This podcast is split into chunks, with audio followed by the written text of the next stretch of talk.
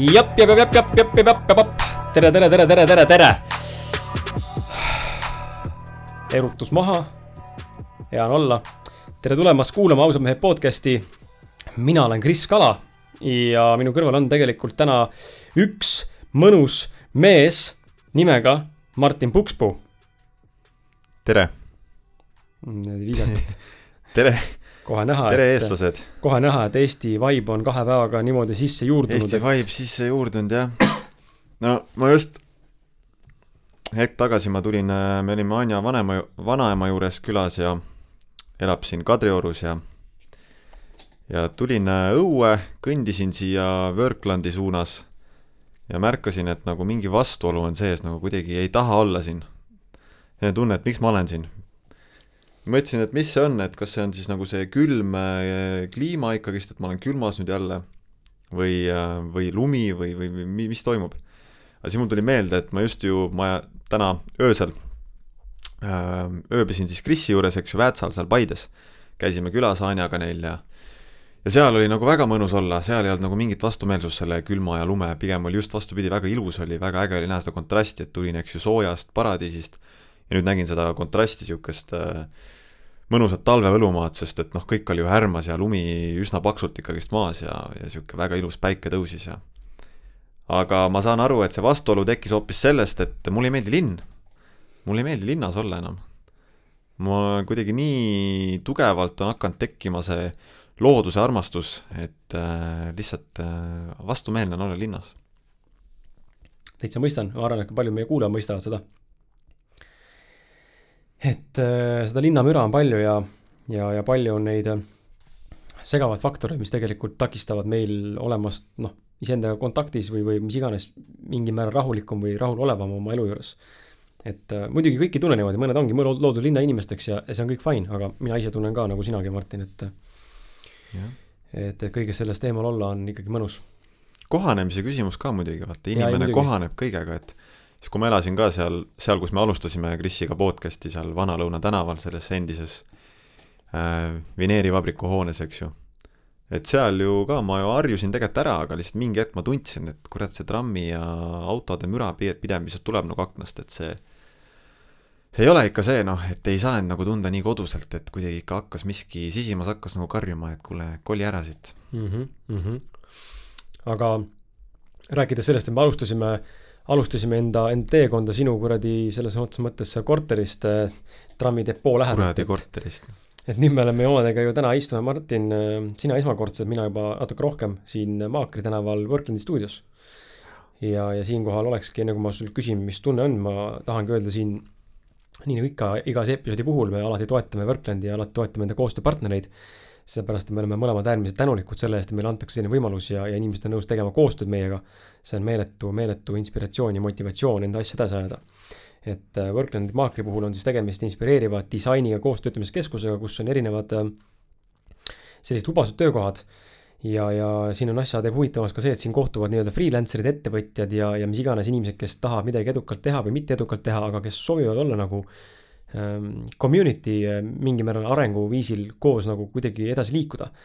ja, ja samuti on võimalik siin töötada privaatkontoris kui ka avatud alal, jagates siis ruumi koos teiste edukate inimestega ja lisaks on üleval korrusel on kahekorruseline see maakri siin Stockholmi taga, et ülemisel korrusel on olema, olemas ka suur avar köök ja lounge ala, kus saab puhata ning nii nagu siis juba eelnevalt teate, siis asub ka siin ausalt meeste podcast'i stuudio täna. Ja ma loodan, et see asub siin veel jäädavalt, nii et Workland, kui te meid kuulate, siis äh, olge head, jätkame seda koostööd.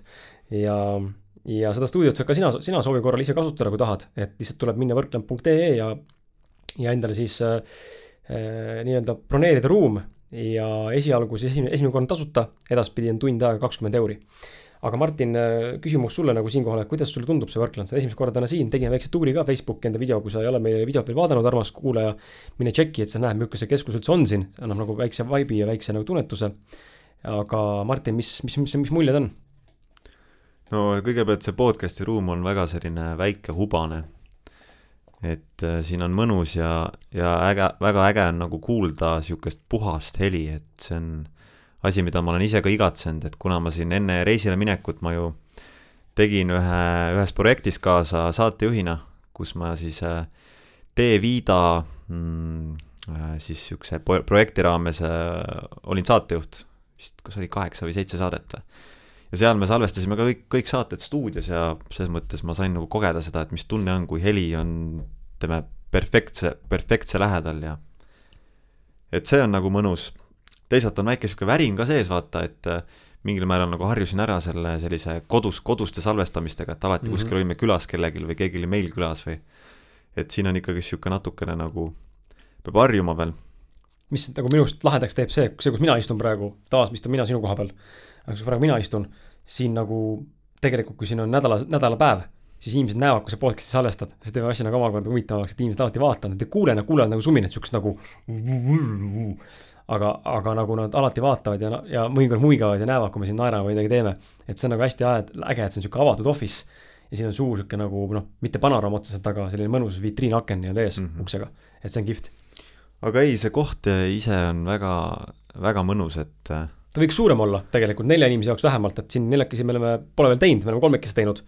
et tiba kitsas on, et kui sul on mõte siin podcast'i teha näiteks külalistega koos, siis ma täna saan kogemuse mõttes öelda, et saab hakkama, aga, aga on kitsas et pigem tuleks siin Worklandi moosida, et nad selle asja suuremaks teeksid. aga jah, üldiselt see, kõik need ruumid siin, kus äh, siis äh, saab tööd teha ja istuda ja, ja väga selline mõnus, avar, selline ka näha, et sa ütlesid, et siin oli ka mingi veneerivabrik äh, kunagi. ja kunagi olnud mingi paberi või mingi asja vabrik. jah, et selline mõnus, eks ju, tellistest kivihoone on ju renoveeritud, ümber tehtud sees, niisugune väga, väga mõnus Martin, äh, räägime korra külalistega ka, me, sa oled nüüd Eestis, pole ammu sind näinud, juba üle nelja kuu peaaegu. noh, eile nägime, sa olid öös minu juures, aga, aga nagu räägime selles mõttes sellest, et äh, mis asi on üldse ausalt mehe podcast, sest meil on väga palju uusi kuulajaid. on tõesti jah, ja paljud võib-olla mind ei teagi eriti, kes äh, nagu nii aktiivselt ei jälgi, et sest et viimased neli kuud mina olin ju reisil ja ma olin eemal ja aga teeme siis äh, sissejuhatuse, mis meil Kris on kenasti kirja pannud, et äh, ausad mehed podcast keskendub isiklikule arengule läbi eneseteadlikkuse ja kuule, ma ei hakka seda ette lugema ma tean, sellest ma andsin, kuidas näha, kas sa loed või ei loe. ma olen tegelikult kirja pannud sissejuhatuse endale, et seda mõnikord, äh, vaata kirjapildis on lihtsam koondada kokku mingi see üldpoint ja anda seda hästi mõnusalt edasi nagu kirjeldava tekstina, mis asi on ausalt mehed podcast. aga sa loomulikult, Martin, sa võid oma sõnadega teha, sest et see on ju sinu, sinu show tegelikult. no mõlemas show no ausad mehed, äh, millest see alguse sai, mulle alati meeldib rääkida seda alguse lugu, kuidas äh, minul oli pikka aega marineerinud äh, peas idee, et tahaks podcast'i teha, tahaks ennast väljendada, tahaks oma mõtteid jagada elust, kõigest, nii nagu ma näen asju. ja Krisil oli täpselt sama idee paralleelselt peas marineerinud ja, ja siis me ükspäev saime kokku, läks jutt kuidagi podcast'ile ja otsustasimegi, et davai, teeme ja, ja, ja mis meie mõlema taotlus ongi olnud, on rääkida kõigest, mis meile endile huvi pakub, võimalikult ausalt, toorelt äh,, läbinähtavalt, eks ju, ilma filtrita. et äh,, et see on see, mis meid ennast on nagu kõnetanud ja kõnetab ja ja rõõm on näha, et see kõnetab tõepoolest nii paljusid inimesi tegelikult, et äh, mina ütleks küll, et minu enesearengu või niisuguse eneseotsingu ja nagu teekonnal mis mind on aidanud, mis see põhitööriist on, ongi ausus. ja kui sa juhuslikult oled üks nendest, kes on uus kuulaja, siis tere tulemast ja vabandust, ma tegin krooksu, ma ei tea, kas see jäi peale, väga ebasikas. aga kui sa näiteks esimestest või tähendab uutest kuulajatest, siis ma tean, väga paljud uued, mõned, mõned uued kuulajad on olnud äh, annuka tagasisidet, et on lausa hakanud kuulama esimesest episoodist peale meie saateid mm. -hmm. mida ma ise olen teinud ühe, ühe teise välismaa podcast'iga ja tegelikult see annab väga hea ülevaate kui sa hakkad algusest tulema, sa kasvad koos saatejuhtidega, koos külalistega ja sa saad nagu nii palju uusi mõtteid taipamise, sul tekib see kontseptsioon palju paremini paika, kes, mis see saade tegelikult on, sest kui sa võtad suvalise episoodi lahti, siis teinekord võib-olla mingisugune vibe on vale äkki või on teema võõras meie enda jaoks või külaline on selline mm, võib-olla mitte väga nagu nii avatud kui võib-olla mõni teine külaline ja, ja see teeb nagu võib-olla annab sellise nagu natuke mitte õige maigu, et ma, mis ma soovitan nagu teha, on see, kui, kui see on esimene saade sul täna võtta läbi segi siukse tunnetuse põhjal või mis sulle kõnetab, mõned üksikud saated ja kuula neid nagu järjest, siis tekib nagu mingisugune pilt. aga põhimõtteliselt ka meie saate kuulajad on meile andnud tagasisidet ja me alati täname neid, neid siin avalikult, kui meile midagi kirjutatakse ja nüüd ma võib-olla pean ka vabandama, et ma ei mäleta, kas ma juba olen neid nimed siin läbi maininud, aga meil on neli uut arvustust tulnud siin viimase nädalaga. ja ma siis käin need nimed läbi, et ette lugema kõiki ei hakka, sellepärast et kõigil on nii pikad arvustused ja nii põhjalikud ja nii südamlikud ja nii nagu palju puudutavad mind ja Martinit. me oleme äärmiselt tänulikud neid saab lugeda kõiki meie Facebooki nii-öelda recommendation'i või siis review menüüst. Neid on täna kokku üle kolmekümne. aga ma tahan tänada Keijo Tismust, Marika Tekterjov, Tekterjov, ma ei tea, kuidas see õige nimetus on Äh, või kuidas õigesti hääldada, Andres Uus, kes tegelikult andis meile teise arvustuse nüüd, Andres on üks nendest, kes tegelikult hakkaski algusest otsast lõpuni kuulama. jaa, ta vist jõudis... nüüd, ta just ütles mulle, et ta jõudiski, jõudiski vist nüüd hiljuti mm -hmm. siis nagu viimase osani. peale jaa, uskumatu tegelikult, see on üle saja, üle saja tunni äh, meid, nagu pff, what the fuck, mind blown lihtsalt, aitäh sulle, Andres. ja, ja siis on ka Krista Kõrgesaar, äh, Kõrgesaar et äh, aitäh sulle ja aitäh teile, et, et te meid kuulate, meid toetate ja meile enda arvamust jagate et äh, kihvt. enne kui lähme saate teemade juurde, täna tuleb siis mõnus sihuke teraapi, teraap-, teraapiline, teraap-, teraapiline või ma ei teagi, teraapia, teraapiline saade. et me räägime enda kogemustest, mis siin toimunud on ja, ja mina käisin ju hüpnoteraapia seansil teisel enda elumaal ja Martin saab rääkida, mis tal siis toimus seal äh, Tais ja Indoneesias ja, ja Balil ja välismaal ja siis äh, saame nagu hakata ja üksteist toetada, üksteist nagu küsimusi täpsustada ja, ja küsida nagu selles mõttes erinevaid küsimusi, et näha nagu seda suuremat pilti, detailsemat ülevaadet. aga enne kui sinna lähme, ma tahan öelda seda, et kakskümmend aprill, salvestan teile ära kuupäev. sellepärast, et meil on tulemas live podcast Vol kolm ja selle külaliseks on meil Ants Rootslane, kes on Eesti nõutuim hüpnoterapeut ja hüpnotisöör, kellel on tänaseks üle neljasaja inimese järjekorras ootejärjekorras tema juurde minna, mis tähendab seda, et see on, vend on ulme nõutud mingil põhjusel. Eh, miks ta põhjus on, mina isiklikult tean ja paljud, kes tema juures käinud on, samuti mõistavad seda, temas on midagi, mida ta oma tööd teeb ta hästi. ja kindlasti on neid, kellele see ei meeldi ja kes talle, kes tal, kes tähendab, kellele Ants ei meeldi. aga see on ka okei okay,, iga asjaga niimoodi, aga üldiselt Ants on väga tubli ja teeb väga-väga palju eh, selles mõttes inimestele head ja ja tema tuleb meile live podcast'i ja kakskümmend aprill Hestia hotell Euroopas Tallinnas kesklinnas, siis sadama piirkonnas on meil see üritus algusega kaheksateist null null kuni pool kümme õhtul ja tuleb, tõotab tulla põnev õhtu, sest et juba esimesed ähm, sada inimest, kes pileti ostavad endale, äh, mida juba tehakse, nii et ole valmis jooksma, sest et piletid sada tükki ainult olemas.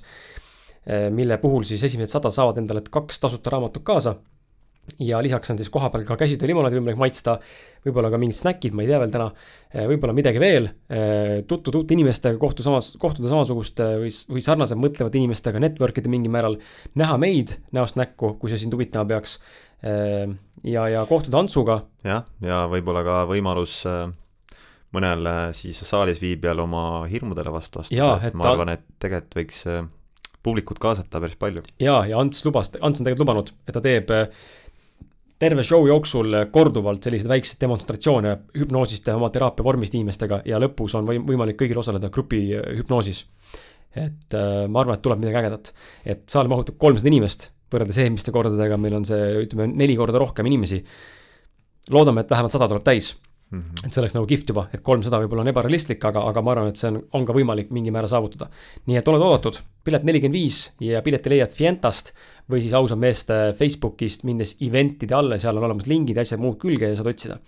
nii et jaa, ja kui tuled, kui pilet on kallis, sulle täna tundub olevat kallis, mis noh, mõne jaoks võib-olla on, et see on täiesti okei okay,, siis äh, leia endale neli sõpra ja me teeme sulle sodukat. aga kirjuta meile, vot. aga lähme tänase saate juurde, me oleme raisanud ära nii-öelda kolmteist minutit juba niisama mula mis ei ole niisama mula, aga selles mõttes on, aga lähme siis tänase saate juurde, kas alustan mina või sina, Martin? mulle tundub, et ma alustan ise ja siis räägid sina enda reisist äkki või? või tahad sina alustada ähm,? kuidas tunne on? tead, äh, ma siin, ma nii õudselt naudin seda heli kvaliteeti, sest mul on praegu kõrvaklapid peas, vaata kuulaja ei tea. kõrvaklapid peas, kus ma kuulen äh, nii Krisi heli väga selgelt kui ka enda heli. ja ma lihtsalt täiega kaifin seda heli kvaliteeti et äh, mis ei puutu praegu teemasse, aga, aga alusta. okei okay,, ma tõmban kokku selle siis nii võimalikult lühidalt kui saab, mul on pandud üheksa punkti, mida ma mainin. ja võib-olla ma teksti jooksul siis, kui seda jagama hakkan, ma võib-olla korra toppan ja mõtestan lahti, kas ma saan kõiki asju rääkida. Martin Lugu teab, eile rääkisime omavahel Martiniga kõigest juba, aga ma püüan siis niimoodi edasi anda samamoodi, et ka sina, armas kuulaja, seda teaksid, sest et mis on huvitav, esimest hüpnoteraapia seanssi, kus ma käisin pealkirjaga ähm, mis iganes see pealkiri oli. aga kui ma esimest korda käisin seal paar kuud tagasi Antsu juures teraapias, siis äh, inimestele väga see saade meeldis ja ma panin kirja terve enda nii-öelda siis nagu ülevaate sellisest, mis me seal tegime siis. ja rääkisin enda kogemusest, inimestele väga meeldis see. ja pealkirjaga Rööviku elu peab lõppema, et liblika hiilgus saaks särada. esimene hüpnoteraapia kogemus, hashtag üheksakümmend kaks, otsi üles SoundCloudis, kui soovid. ja väga paljud on kirjutanud mulle nüüd järgi sellest, et tegelikult tšau, et nägin, et sa käisid hüpnoteraapias uuesti, kuidas sul läks, räägi ja nüüd ma siis räägingi, et äh, ma tõmban ta kokku, et kui esimene, esimene hüpnoteraapia kogemus mul paar kuud tagasi oli selline, et tegelesime siis materiaalse poole isa poolega, isa perekonna poolega, isa perekonnaliiniga. sest et isa, isa ja materiaalsus ehk raha on nagu siis omavahel seotud tänases maailmas väidetavalt. Ja lõpptulemus oli siis see, et ma tegelesime siis sellega, et äh, tuli välja, et minu sündmus, mis toimus minu vanemate vahel, kui ma olin kümneaastane, äh, lõi minusse nii suure trauma, et ma jäin kinni kümneaastase poisi staatusesse kaheksateistkümneks aastaks ja siis vabastasime ennast mind kuidagi seal mingit teemadest ja lahendasime mingid teemad ära vestluse käigus, kuni lõpuks ma tundsin, et ma olen kakskümmend viis. Ja mis siis juhtus äh, imekombel, ma ei tea, kas tänu sellele või tänu sellele, ka Robin Sharma üritus oli Peter Ju äh, Saku Surelis ja ka see, et ma olin Peep Vainu juures maal nädal aega Virtsus metsas ja nüüd see teraapia otsa, võib-olla kõik kolm aitas kaasa, aga kindlasti Ants aitas väga palju enda teraapiaga kaasa juhtus see, et mul hakkas liikuma raha, ma sain endale uue töö, eh, panin Facebooki kuulutuse, mida jagati üle tuhande viiesaja korra, eks ole, peaaegu. ja ma sain hunnik pakkumisi, leidsin endale unistuse töö, mida ma täna teen, ma olen väga tänulik selle eest. ja aitäh sulle, Monika, kui sa meid kuulad. ja, ja aitäh sulle, Tiit, kes seda soovitas mulle. Ja, ja. ja ma sain nagu palju pakkumisi, lisaks tööandjatele sain ka Telegramiga diilile, sain ka endale mingi blogisse asju, saan nüüd vegan ajakirja kirjutada, ühesõnaga raha hakkas liikuma. aga mingi platoon on ikka ees, tänaseks oleme jõudnud sellisesse punkti mina siis, kus ma näen, et mul tegelikult ikkagi mingi nagu piir on ees. ja nüüd siis seekord ma otsustasin, et enne kui seansile läksin, otsustasin, et äh, ma lõpetan siis äh, enda isaga nagu suhtlemise. Mitte nagu selles mõttes lõikan täitsa välja, aga ma olin nagu valmis loobuma sellest, et meie suhe on selline nagu on, me oleme siin saates korduvalt Martiniga rääkinud, mõlemal on tugevad mustrid ja mingil määral nagu selles mõttes negatiivsed suhted enda vanematega, eriti isa poolega.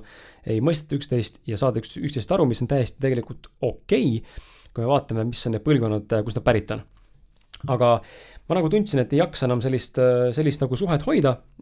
ja, ja miks ta selline on, ma ei hakka praegu üldse lahkama, aga et ei jaksa hoida sellist suhet ja ütlen isale siis, et. Et kuulge, et lõpetame selle pulli ära, et ei ole mõtet. et noh, lähme oma rada ja, ja kulgeme nii nagu on ja, ja küll me siis lõpuks kuidagi oma teekonna leiame kunagi hiljem või võib-olla mitte.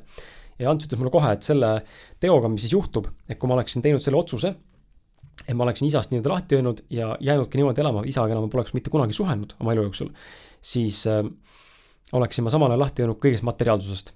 kuna isa, isa ja materiaalsus on käsikäes, siis ma põhimõtteliselt oleksin lahti lõiganud ennast sellest materiaalsest maailmast. Mis oleks tähendanud seda, et ma oleks kokku kukkunud kuidagi siis end finantsiliselt nii-öelda või noh, füüsiliselt. ja siis ma sain nagu aru, et okei okay,, et see järelikult ei saagi, on ju, ja Ants rõhutas ka, et ei saa ennast lahti lasta eh, või nagu lahti ühendada isast otseselt, et ta jääb meile alles, meil tuleb lihtsalt osata sellega leppida, aktsepteerida, andes seda edasi minna, anda aega, aga me ei saa nagu lahti lõigata. ja ja siis seekord äh, otsustasime, et tegeleme endiselt edasi siis raha ja muude asjadega ja, ja kuidagi siis jõudsime minu perekonnasuhetes nagu selleni, et mul on probleeme enda isaga. Ja noh, mingil määral ka enda emaga ja mul on üldse perekonnas huvitav see, et ma ei tea enda vanaisa. Pole kunagi näinud, isa, isa siis, ja ma ei tea ka nime, ma ei tea mitte midagi, kas ta on elus, on ta surnud, ma ei tea seda. Ja samuti ma ei mäleta eriti suurt enda vanavanematest. Ja mul ei ole midagi räägitud, sihuke mingi nagu sihuke mingi väike sihuke saladus on ka peres olnud, keegi ei räägi midagi. ja ma tean, et kui mu isa oli väike, siis minu isal ei olnud Äh, isa, noh, ma ei tea, kas ta oli siis surnud või teda ei olnud, aga teda ei olnud nagu figuurina olemas mingil põhjusel. Ja selle tulemusena minu isal oli siis isa eest tema vanaisa ehk minu vana-vanaisa. kuule, armas kuulaja, nüüd tuleb välja väga palju põlvkonna nagu neid äh, vana-vana ja vana ja vana-vana ja et püüa siis nagu kaasas püü-, käia ja ma üritan nagu teha asja loogiliselt. kui ma olin nelja-aastane, siis minu vana-vanaisa ehk minu isa vanaisa, kes elas meie juures, suri vähki ja ta suri sellisesse vähki ära, et ta ei lasknud ennast ravida ja ta oli leppinud sellega, et ta läheb ja, ja mitte kedagi ligi lasknud. ainuke inimene, kellelt ta siis süüa vastu võttis viimases staadiumis, olin mina. ma olin nelja-aastane. Ja meil oli ilmselgelt mingi suhe. ja minul mälus, mälus hoopis on mingisugused pildid, kus ma kõnnin enda, enda korteris, Lasnamäe korteris, kus mu isa praegu elab.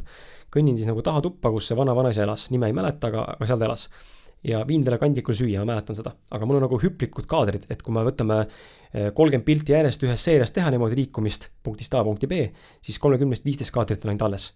Ma näen, ma liigun, aga ma ei näe tervet pilti. ja ma ei näe teda, ma näen ta jalgu, et ta on voodis pikali, aga ma ei näe ta nägu ega pead, sest ta on uksepiide taga peidus, voodi pea on siis nagu seina juures ja siis ma näen nagu sihuke mälus hoopis mingi sihuke pilt on, et ilmselt selle info saaks nagu rohkem eh, teraapia käigus hüpnoosiga kätte, aga hüpnoosi me seekord ei teinud. ja ja siis me hakkasime lahkama seda perekonstellatsiooni asja, et panin sinna maha mingid nupukesed või nagu siuksed kettad. igaühel on siis rolli, on ju, mul on siin nagu sihuke, ütleme noh, mingi, mingist poroloonist mingi sihuke šabloon, viskad selle põrandale, ütlen, et seal on minu isa, järgmises kohas on minu vanaema, järgmises kohas olen mina ja nii edasi, paned mingid inimesed ära, Ant siis ütleb sulle, keda siis nagu määratleda, keda panna, tuua siia pilti, energiaruumi, energia välja. ja siis ma ütlesin ka, et väga puudu on siin vana-vanaisa, kes ära suri. siis ta ütles, aga too ta siia. siis ma panin ta maha enda kõrvale äh, alateadlikult või teadlikult ja valisin täiesti juhuslikult samasuguse värvi, nagu iseendale valisin, roosa. sihuke beebiroosa.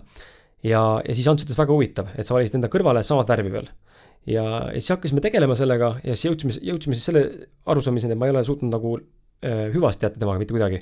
jätsin siis temaga hüvasti, seal kükitasin maha kuidagi, ütlesin mingeid sõnu. see, mida Ants seal teraapias teeb, ma ei hakka seda pikalt rääkima, aga see on fenomenaalne ja kuidas ta seda teeb, ma ei tea, kust see info tuleb, kellega ta ühenduses on, millega ta ühenduses on, ma tõesti ei oska seda öelda.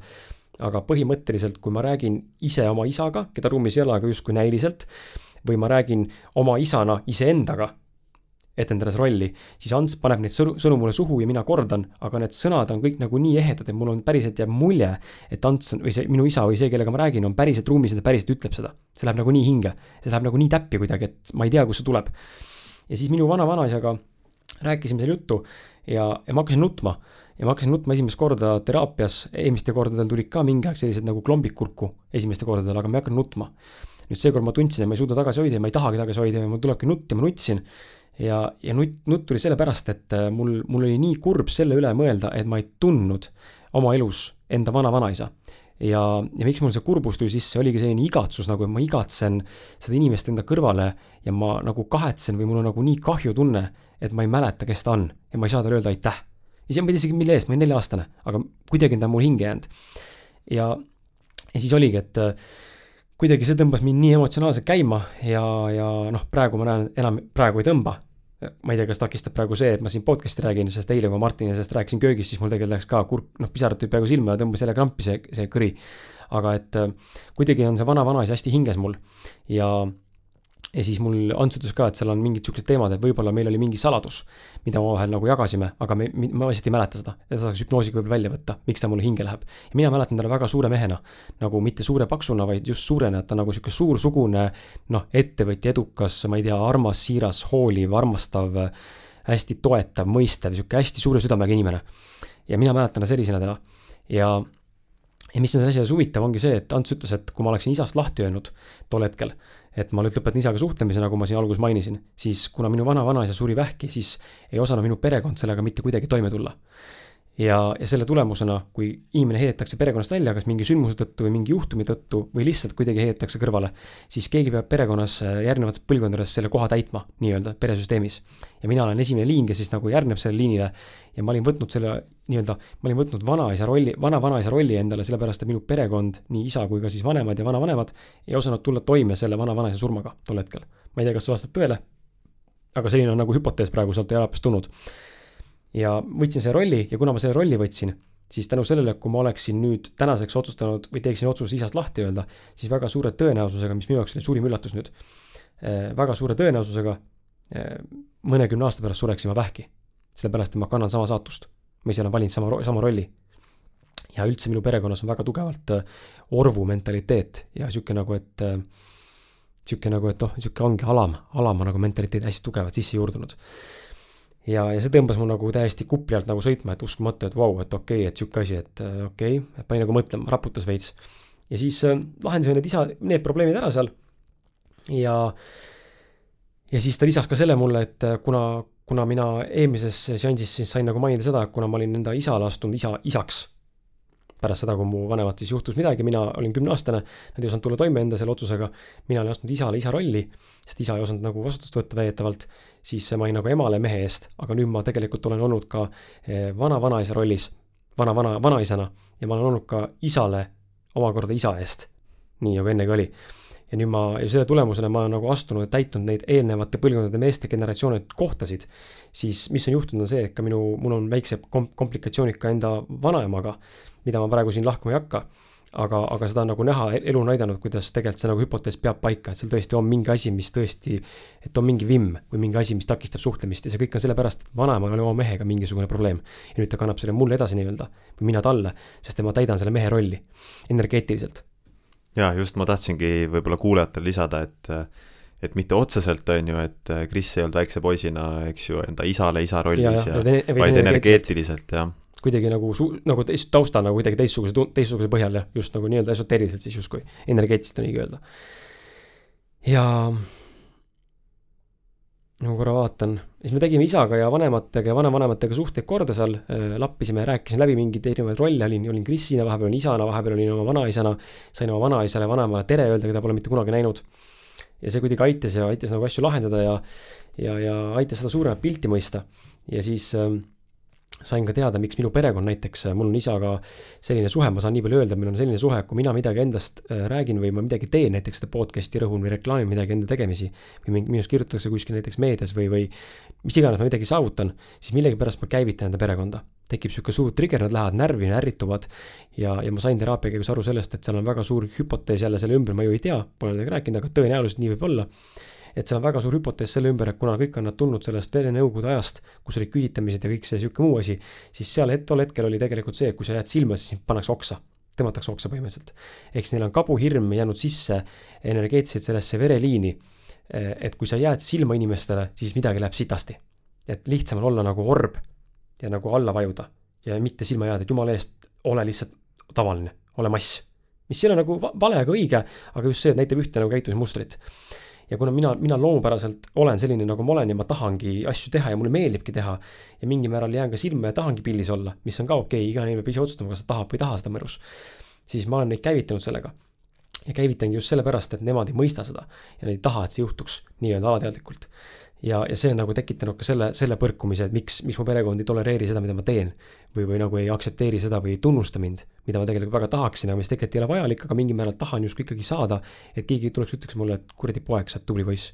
või et tead, sa oled ülikõva vend. või et sa oled ülikõva sugulane või noh, mis iganes sellist asja, ma teadlikult ei soovi seda.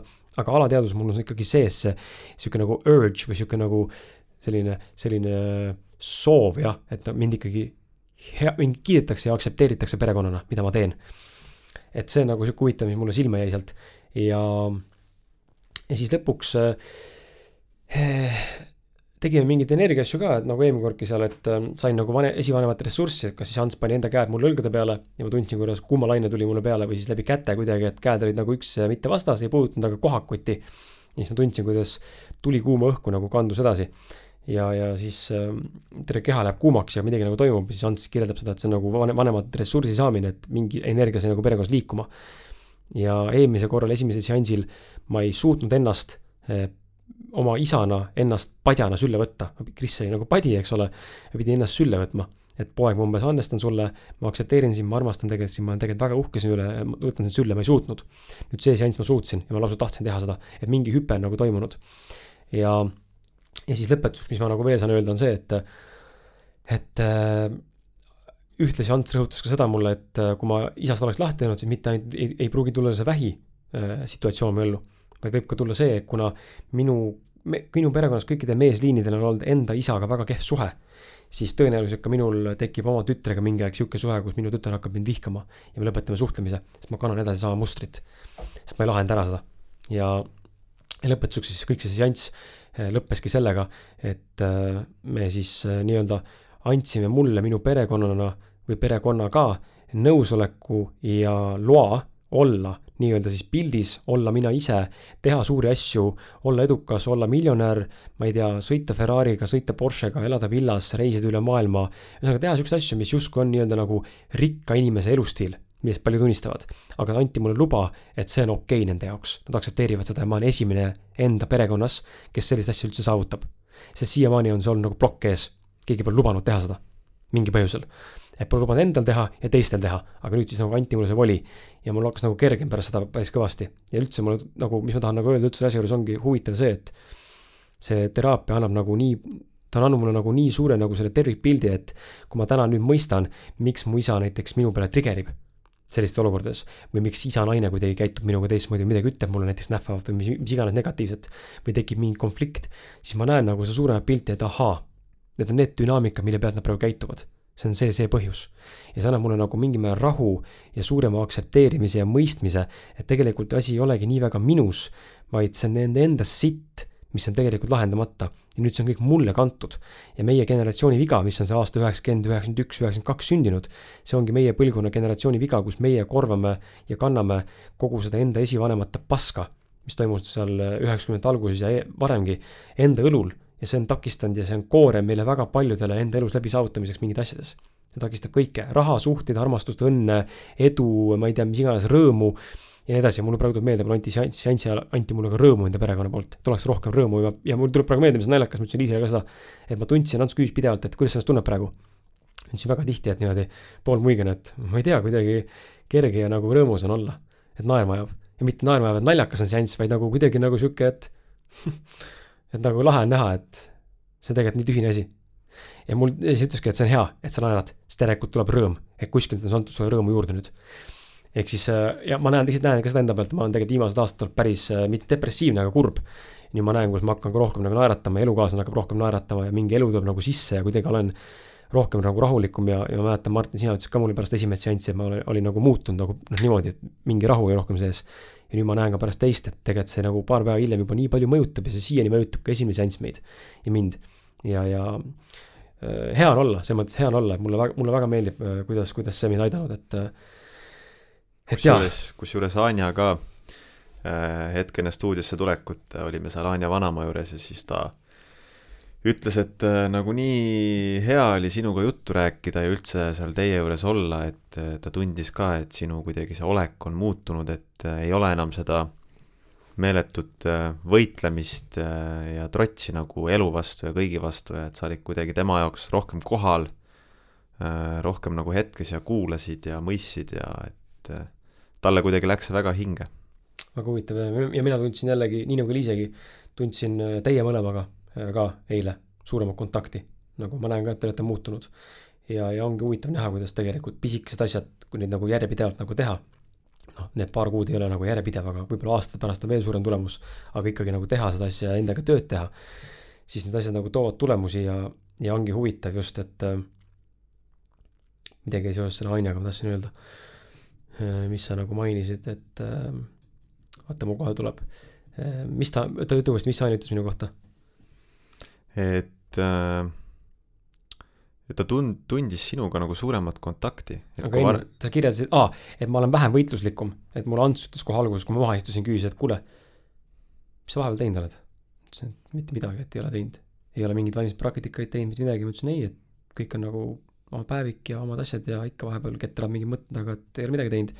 ta ütles, et sinuga on palju lihtsam täna koostööd teha, sest esimene kord, kui sa tulid, Kris, siis sinus oli hästi suur võitluslik ja trots ja sihuke nagu maailma vastu mingisugune mitte viha, aga selline nagu põikpäisus või selline nagu plokk sihuke, et ma, ma tahan näidata midagi sellele maailmale või noh, midagi sellist mm. -hmm. et see on huvitav ja ise tunnen ka, et ma olen nagu palju vähem, olen selles mõttes võitluslik mis samas jällegi noh, naljakas, sest ma endiselt olen see, kes tahab ikkagi full achieve ida. ma tahan, minu endiselt on see, see ambitsioonikus ja teha seda, ma tahan olla fucking parim podcast, parim see, parim too, tipp see, see pole kadunud kuskile. aga see on kuidagi võib-olla vahetanud ära selle, et see nagu võitluslik kahtlus on kadunud ära ja on tekkinud mingi enesekindlus või nagu teadlikum pool, et ma tõesti olen või tõesti teen. ma ei pea tõestama, ma teengi. et selles mõttes on huvitav. vot, aga mina lõpetan nüüd mm. -hmm. tšau ei, aga see ongi huvitav minu meelest just see, et vaata, nagu ma ütlesin sulle ka eile autos, et äh, mulle tundub, et sind nagu kõrvalt vaadates, sul ongi hästi loomulik, hästi naturaalne olla selline, sa pidevalt oledki nagu on the go, pidevalt teed, teed, teed, teed, on ju, saavutad, möllad, organiseerid, et see tundubki sulle hästi loomulik, hästi nagu orgaaniline, aga just nimelt, et hakkab ära kaduma nagu see meeletu võitlus, mis tegelikult ju tekitas sulle iseendale kannatust ja valu, on ju, ja saab seda äh, seda nii-öelda tegutsemist teha nagu teistsuguse tundega teistsugusest kohast mm. -hmm. jah. aga minu reis jah, me olime neli kuud äh, reisil ja noh, ma olen ülimalt rahul, ülimalt tänulik, et ma sinna otsustasin minna, et ma võtsin selle julguse sinna minna. sest tegelikult ju sinna, see otsus vastu võttes, kui meil see võimalus tuli, siis äh, mul ei olnud mitte mingit raha nagu kõrvale pandud, mul ei olnud mitte mingeid sääste ja ma üldse ei kujutanud ette, et kuidas me lähme ja kuidas see läheb, aga sisetunne oli õige ja tegime selle otsuse ära ja ja lõppude lõpuks reisisime, eks ju, neli kuud, mitte kaks kuud ja noh, kaks kuud oli see miinimum, mis meil nagu oli plaanitud. ja, ja neli kuud ja ja ma ei osanud arvata, et ma siia Eesti tulen tagasi, et äh, ma ju arvasin, et ma hakkan äh, reisi jooksul teenima äh, kauplemisega Forexiga, mida ma ei hakanud. Ja, ja, ja esmalt ma mõtlesin, et ma siis lähen äh, kasuisa juurde Soome tööle, et jälle jalad alla saada. aga mõned päevad enne lendu mul nagu käis mingi klikk ära ja nagu see tunne, et see Soome minek ei tundu enam õige. et ja, ja otsustasime ikka tulla Tallinna ja, ja, ja vaadata selles mõttes, et anda enda parim ja teisalt usaldada elu. et äh, tekivad võimalused ja, ja kõik su-, sujub, just siis rahaliselt mõeldes, et sest praegu me läksime elama esialgu siis Anja vanemate juurde ja ma nüüd hakkan jälle treeneritööd tegema ja, ja, ja, ja kõike, mis ma, mis ma ka varasemalt tegin ja ja vaatame, kuidas läheb. Aga jah, miks ma, miks ma võib-olla üldse julgesin äh, teha nüüd sellise otsuse, et tulla siia tagasi niimoodi tühjade kätega, äh, minna, eks ju, tüdruku vanemate juurde ja noh, mingid aastad tagasi ma ei oleks suutnud seda teha, see oleks mm -hmm. olnud mu egole lihtsalt liiga ränk hoop, et kuidas mina, mees, kahekümne kuue, kohe varsti kahekümne seitsme aastane, kuidas ma lähen nüüd tüdrukute vanemate juurde niimoodi elama ja hakkan end jälle nullist ehitama, et mis kuradi mees ma olen aga ma ütlengi, et tänu sellele reisile, tänu sellele tervendustööle, mis seal sai tehtud endaga, tänu sellele ma nüüd nagu suutsin äh, teha niisuguse otsuse ja nagu näha suuremat pilti ja ja, ja mitte tunda mingisugust äh, valehäbi või mingisugust äh, egovõitlust eneses, et oot-oot-oot, mis sa nüüd teed ja kuidas sa tuled ja negatiivsed stsenaariumid äh, nagu varasemalt alati hakkasid peas ketrama, et kust sa nüüd raha saad ja kas ikka läheb käima ja blablabla bla. ei, vali ikka turvalisem viis, mine sinna Soome, sulle see töö ei meeldi, vahet pole, teenid head raha. suutsin nagu kõik selle panna kõrvale, tunnetada, mis on tegelikult see õige valik siin hetkes ja lihtsalt ollagi hetkes mitte minna nende stsenaariumitega kaasa ja lihtsalt anda enda parim iga hetk. aga põgusalt jah, mis võib-olla olid niisugused äh, murdemomendid seal reisil, et äh, mul on niisugune hirm ka, et mul läheb see jutt jube pikaks, kui ma hakkan kõigest järjest rääkima, võib-olla me saame kuidagi kordamööda rääkida, et äh, ma midagi räägin ja ja siis lisad, lisad sina midagi või omi mõtteid, aga ma tahtsingi juba enne, kui sa rääkima hakkad, lisada seda, et et see Vanja vanemate juurde kolimine, et Vanja. Vanja, Anja, Vanja jah. et Anja vanemate juurde kolimine, et welcome to my world. ma olen juba poolteist aastat elanud oma elukaaslase ema juures ja ja eks ta on sihuke egole mõnus laks mehena. igal, igasugune eneseteostus saab nagu laksu vastu tatti. ja kusjuures lahtise käega veel, täiega nagu. ja, aga samas täna ma nagu näen, et eh, it is what it is, noh ju siis nii peab olema ja, ja see on meie valik olnud, et süüdistada ei saa kedagi ja, ja see on kõik okei okay,, et ma tegelikult ise olen rahu teinud sellega, loomulikult äh, tahaks ära kolida ja praegu vaatame korterit ka, aga reaalselt ei ole nagu võimalik olnud finantsiliselt.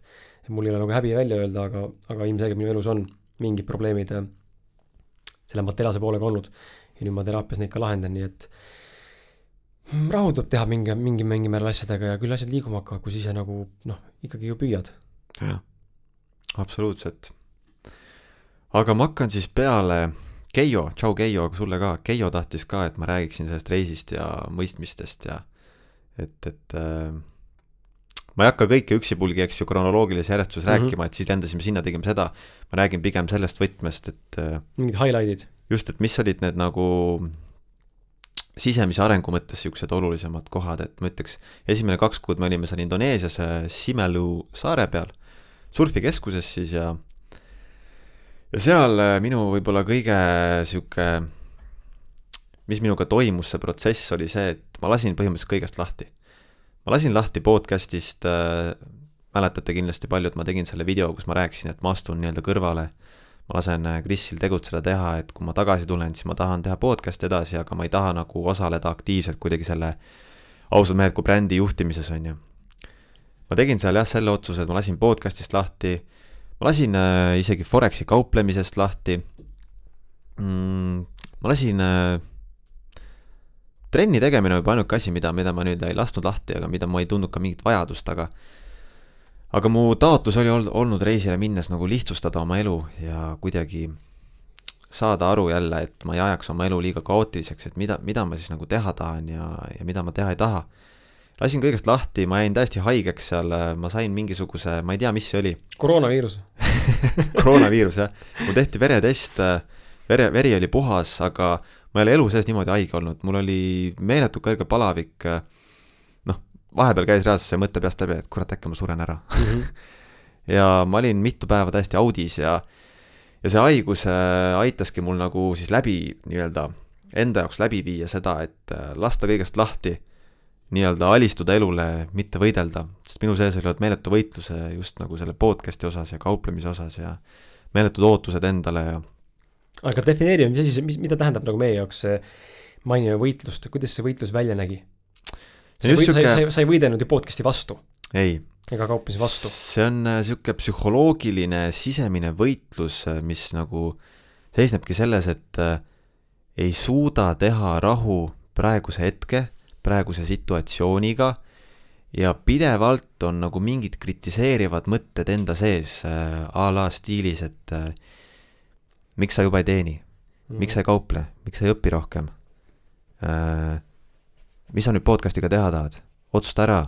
Äh,, salvesta, ära salvesta siis, jäta pooleli, nagu sihuke pidev äh,, pidev nagu võitlus käib enda sees ja, ja see võitlus nagu täielikult, see on hästi mentaalsel tasandil, see on hästi ego tasandil, see takistab nagu kuulamast äh, oma keha oma nii-öelda keha intelligentsi, mis, mida nimetangi südamehääleks. see takistab seda kuulamast, aru saamast, mida me tegelikult siis tunneme sisimas, on ju. sest tihti see mentaalne jama, mis seal peas ketrab, see ei ole tõde. tihti tuleb lihtsalt seisatuda ja näha, et vau, meie sees on võib-olla mingi meeletu kurbus, ja kui me selle kurbuse endast välja nutame, siis tegelikkuses me tahame jälle teha samu asju edasi. ühesõnaga, ma lasin kõigest lahti seal ja ja peale seda haige olemist minusse siis jah, tekkis nagu mingi rahu.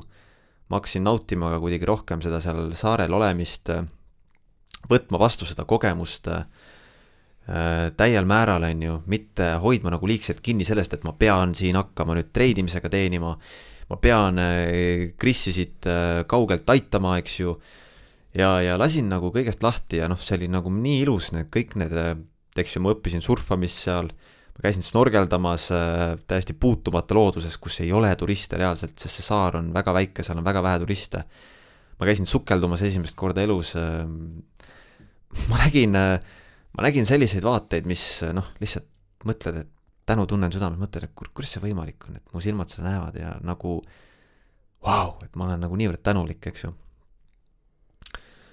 ja siis me reisisime edasi, me käisime vahepeal, olime Malaisias nädal aega olime Balil äh, kuu aega ja Balil me siis kohtusime ühe, ma ei tea, kas ma olen sellest eelnevates podcast'is rääkinud, kui sul midagi tuleb meelde, siis äh, võid mulle teada anda, aga Balil meile tuli siis äh, nagu villa, me rentisime seal Airbnb, Airbnb kaudu niisugust nagu villat, kus oli siis nagu ühine köök ja siis kaks sellist nagu privaatset nii-öelda tuba koos vannitoa, vannitoaga, eks ju. eraldi sissepääsud ja kõik.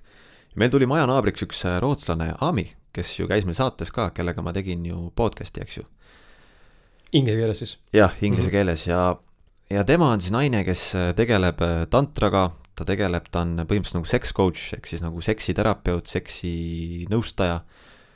Äh, tegeleb tantraga, tegeleb siukse kehatööga mm,, massaažiga ja ta on ka, tal on ka nagu annet, tal on ka talenti, ütleme nagu Ants Rootslasel. ta näeb, ta näeb energiaid ta tajub inimese energiat, ta näeb nagu blokeeringuid kehas. ja ütleme, Anja jaoks oli see kõik väga transformeeriv, Anja vabastas endast väga palju. Ja ka minul oli siis, ütleme, väga sarnane kogemus seal, äh, kus äh, ma hakkasin nagu uurima, küsima, et äh, miks mu, mis mu tagareitega on, et miks mu tagareied on nagu nii paindumatud ja miks neid on nii raske kuidagi liikuvamaks muuta, et see ei tundu enam nagu füüsiline piirang, vaid see tundub, et äkki ma hoian seal mingeid emotsioone kinni, eks ju ja siis ta tegi mulle väikse seansi, kus ma siis, äh, ta palus mul panna käe enda siis äh, reie peale ja lihtsalt tunnetada. Hoida, eks ju, enda kätt seal reiel, lihtsalt tunnetada, et mis, mis ma tunnen, mis tunne minus hakkab tekkima, kui ma lihtsalt olen seal. ja täiesti hämmastav, ma tundsin, kuidas ma sisenesin äh, enda väikse poisi nii-öelda rolli ma tundsin, kuidas ma läksin tagasi enda lapsepõlve nii-öelda energeetiliselt, on ju, samamoodi nagu sa Antsu seansil. ma tundsin, kuidas ma olin umbes viie-kuueaastane. ja kuidas äh, ma tahtsin mängida oma legodega äh,,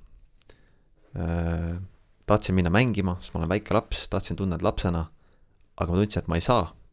sellepärast, et äh, ma ei tunne end turvaliselt, ma tunnen, et äh, mu vanemad ei ole piisavalt küpsed minu eest hoolt kandma ja samamoodi energeetiliselt siis ma tundsin, et ma pean võtma vastutuse enda vanemate eest.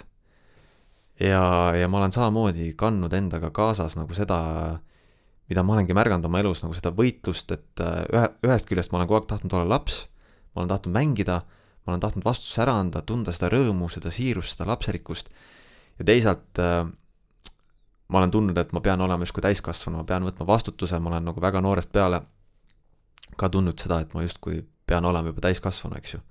ja ongi olnud see pidev äh, konflikt minu sees. ja seal samamoodi ma, ta juhendas mind läbi selle protsessi ja ma tegin nagu rahu sellega, justkui andestasin oma vanematele, eks ju, ja, ja peale seda ka nagu hops nagu kuidagi sekundiga mu sihuke energia muutus. tõusin nagu sirgemaks, on ju, püstisemaks ja kuidagi mingi kergus sisenes, mingi nagu sihuke maailmataju täiesti muutus. et see oli kindlasti üks selline mm, ka nagu väga, ütleme, hea kogemus seal. jaa, tahad sa veel midagi lisada või ma lähen edasi? ei taha vist, mul lihtsalt korra korra nagu viskas pähe see, et, ähm, et äh, tee minust ka paar pilti, Martin. teen. pildistame üksteist stuudios siin, jäädvustame üksteist pilte. aga mis mul nagu meelde tuli sellega seoses, selle andestamisega, vanemate andestamisega, ongi see, et äh, Peep Vain enda raamatus äh, rääkis ka sellest, kuidas siis endale andestamine aitab nagu mõista ja samuti enda vanematele andestamine on ülimalt oluline. ja, ja nendega nagu justkui leppimine ja aktsepteerimine, mida nad teevad et lihtsalt äh, tuleb kogu aeg see andestamine samamoodi mulle meelde ka, et just, just äh, oskus nagu, et mis see nagu andestamine tähendab siis, et noh, täna ka võib-olla kõike täielikult ei mõista veel detailselt, aga, aga nagu natuke hakkan aru saama ka tänu teraapiale ja tänu teistele inimestele ka, kes on mingeid asju läbi teinud, et see andestamine on nagu üliläbiv nagu teema. ja seda tuleb varem või hiljem teha, et sellest nagu lahti lasta ja anda andeks just selle eesmärgiga, et nemad ei osanud paremini tollal. ja, ja see on mulle andnud ka perspektiivi tänasesse maailma, kui ma näen kedagi, kes käitub halvasti minuga, siis ma tegelikult saan aru, et tegelikult ta ei oska paremini. et väga tihti me ju tegelikult ei taha halba. mulle väga meeldib, kuidas Andrus Vanamehe saates ütles, et meie inimloomuses on kõigil see, et kõik tegelikult taha, on hea, heatahtlikud. me tegelikult tahame olenditena siin teha inimestele head, käituda hästi, aga me lihtsalt ei oska paremini teinekord. ja seda nagu mitte hukka mõista on, on nagu hästi suur äh, väärtus ja oskus minu meelest märgata ja täna mul õnnestub seda rohkem märgata juba. niisugune mõte siis tuli jaa, ma jäin korraks, jäin kuulama, mul on need klapid siin peas jäin kuulama, et tundus nagu mingi sihuke pinin olevat taustal, kui sa rääkisid, aga enam ei kuule seda. jaa, ja kusjuures andestamisest rääkides, siis äh, ma lähengi edasi, siis äh, peale Balit me läksime Taisse ja, ja, ja, ja Tais siis äh, Kohpangani saarel. me käisime, kes teavad Wim Hofi, Wim Hof on siis äh, maailma tuntud sihuke Iceman, jäämees, eks ju, kes äh, põhimõtteliselt alukate väel vist äh, ronis Mount Everesti otsa ja, ja, ja kes õpetab nagu inimestele, kuidas äh, läbi oma hingamise, kontrollimise, kontrollida oma keha, kontrollida põhimõtteliselt protsesse oma kehas. ja käisime siis ühel siuksel töötoal, kus siis üks Wim Hofi õpilane viis läbi, tegime hingamisharjutusi, siis läksime jäävanni ma olin kolm minutit jäävannis, ma ei ole kunagi nii pikalt külmas vees olnud. on, on siis külm või? no väga külm, väga külm. Anja karjus seal lihtsalt ma mõtlen, et äh, huvitav, ma olen nagu jäävanni kogenud kuskil mingis, mis, mis, kus kuradi mingi spa oli see, aga sama tulin saunast, läksin jäävanni kaks minti seal sees. aga mu keha on vaata kuum ja hakkab jahtuma. jaa, see on hoopis teine. aga sa lähed nagu otse külmana külma, see on nagu teine asi.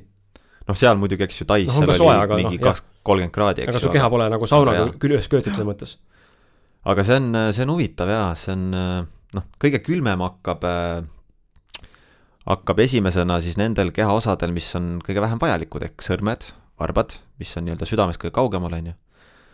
kusjuures mul hakkas peenisel väga külm, mul hakkas munadel mega külm. ma võtsin nagu, üks kutt näitas mulle, et võta käed veest välja, ma võtsin käed siit randmest alates veest välja. aga mul oli varvastel ja munadel oli lihtsalt nagu megakülm, see oli uskumatu. ja lihtsalt hingad, oled hetkes, hingad sisse-välja ja pidevalt üritad ennast rahustada, sest et kogu aeg on see impulss, et tahaks nagu välja, tahaks välja, tahaks välja, nii külm on. aga pidevalt nagu rahustad ennast ja püsid seal edasi.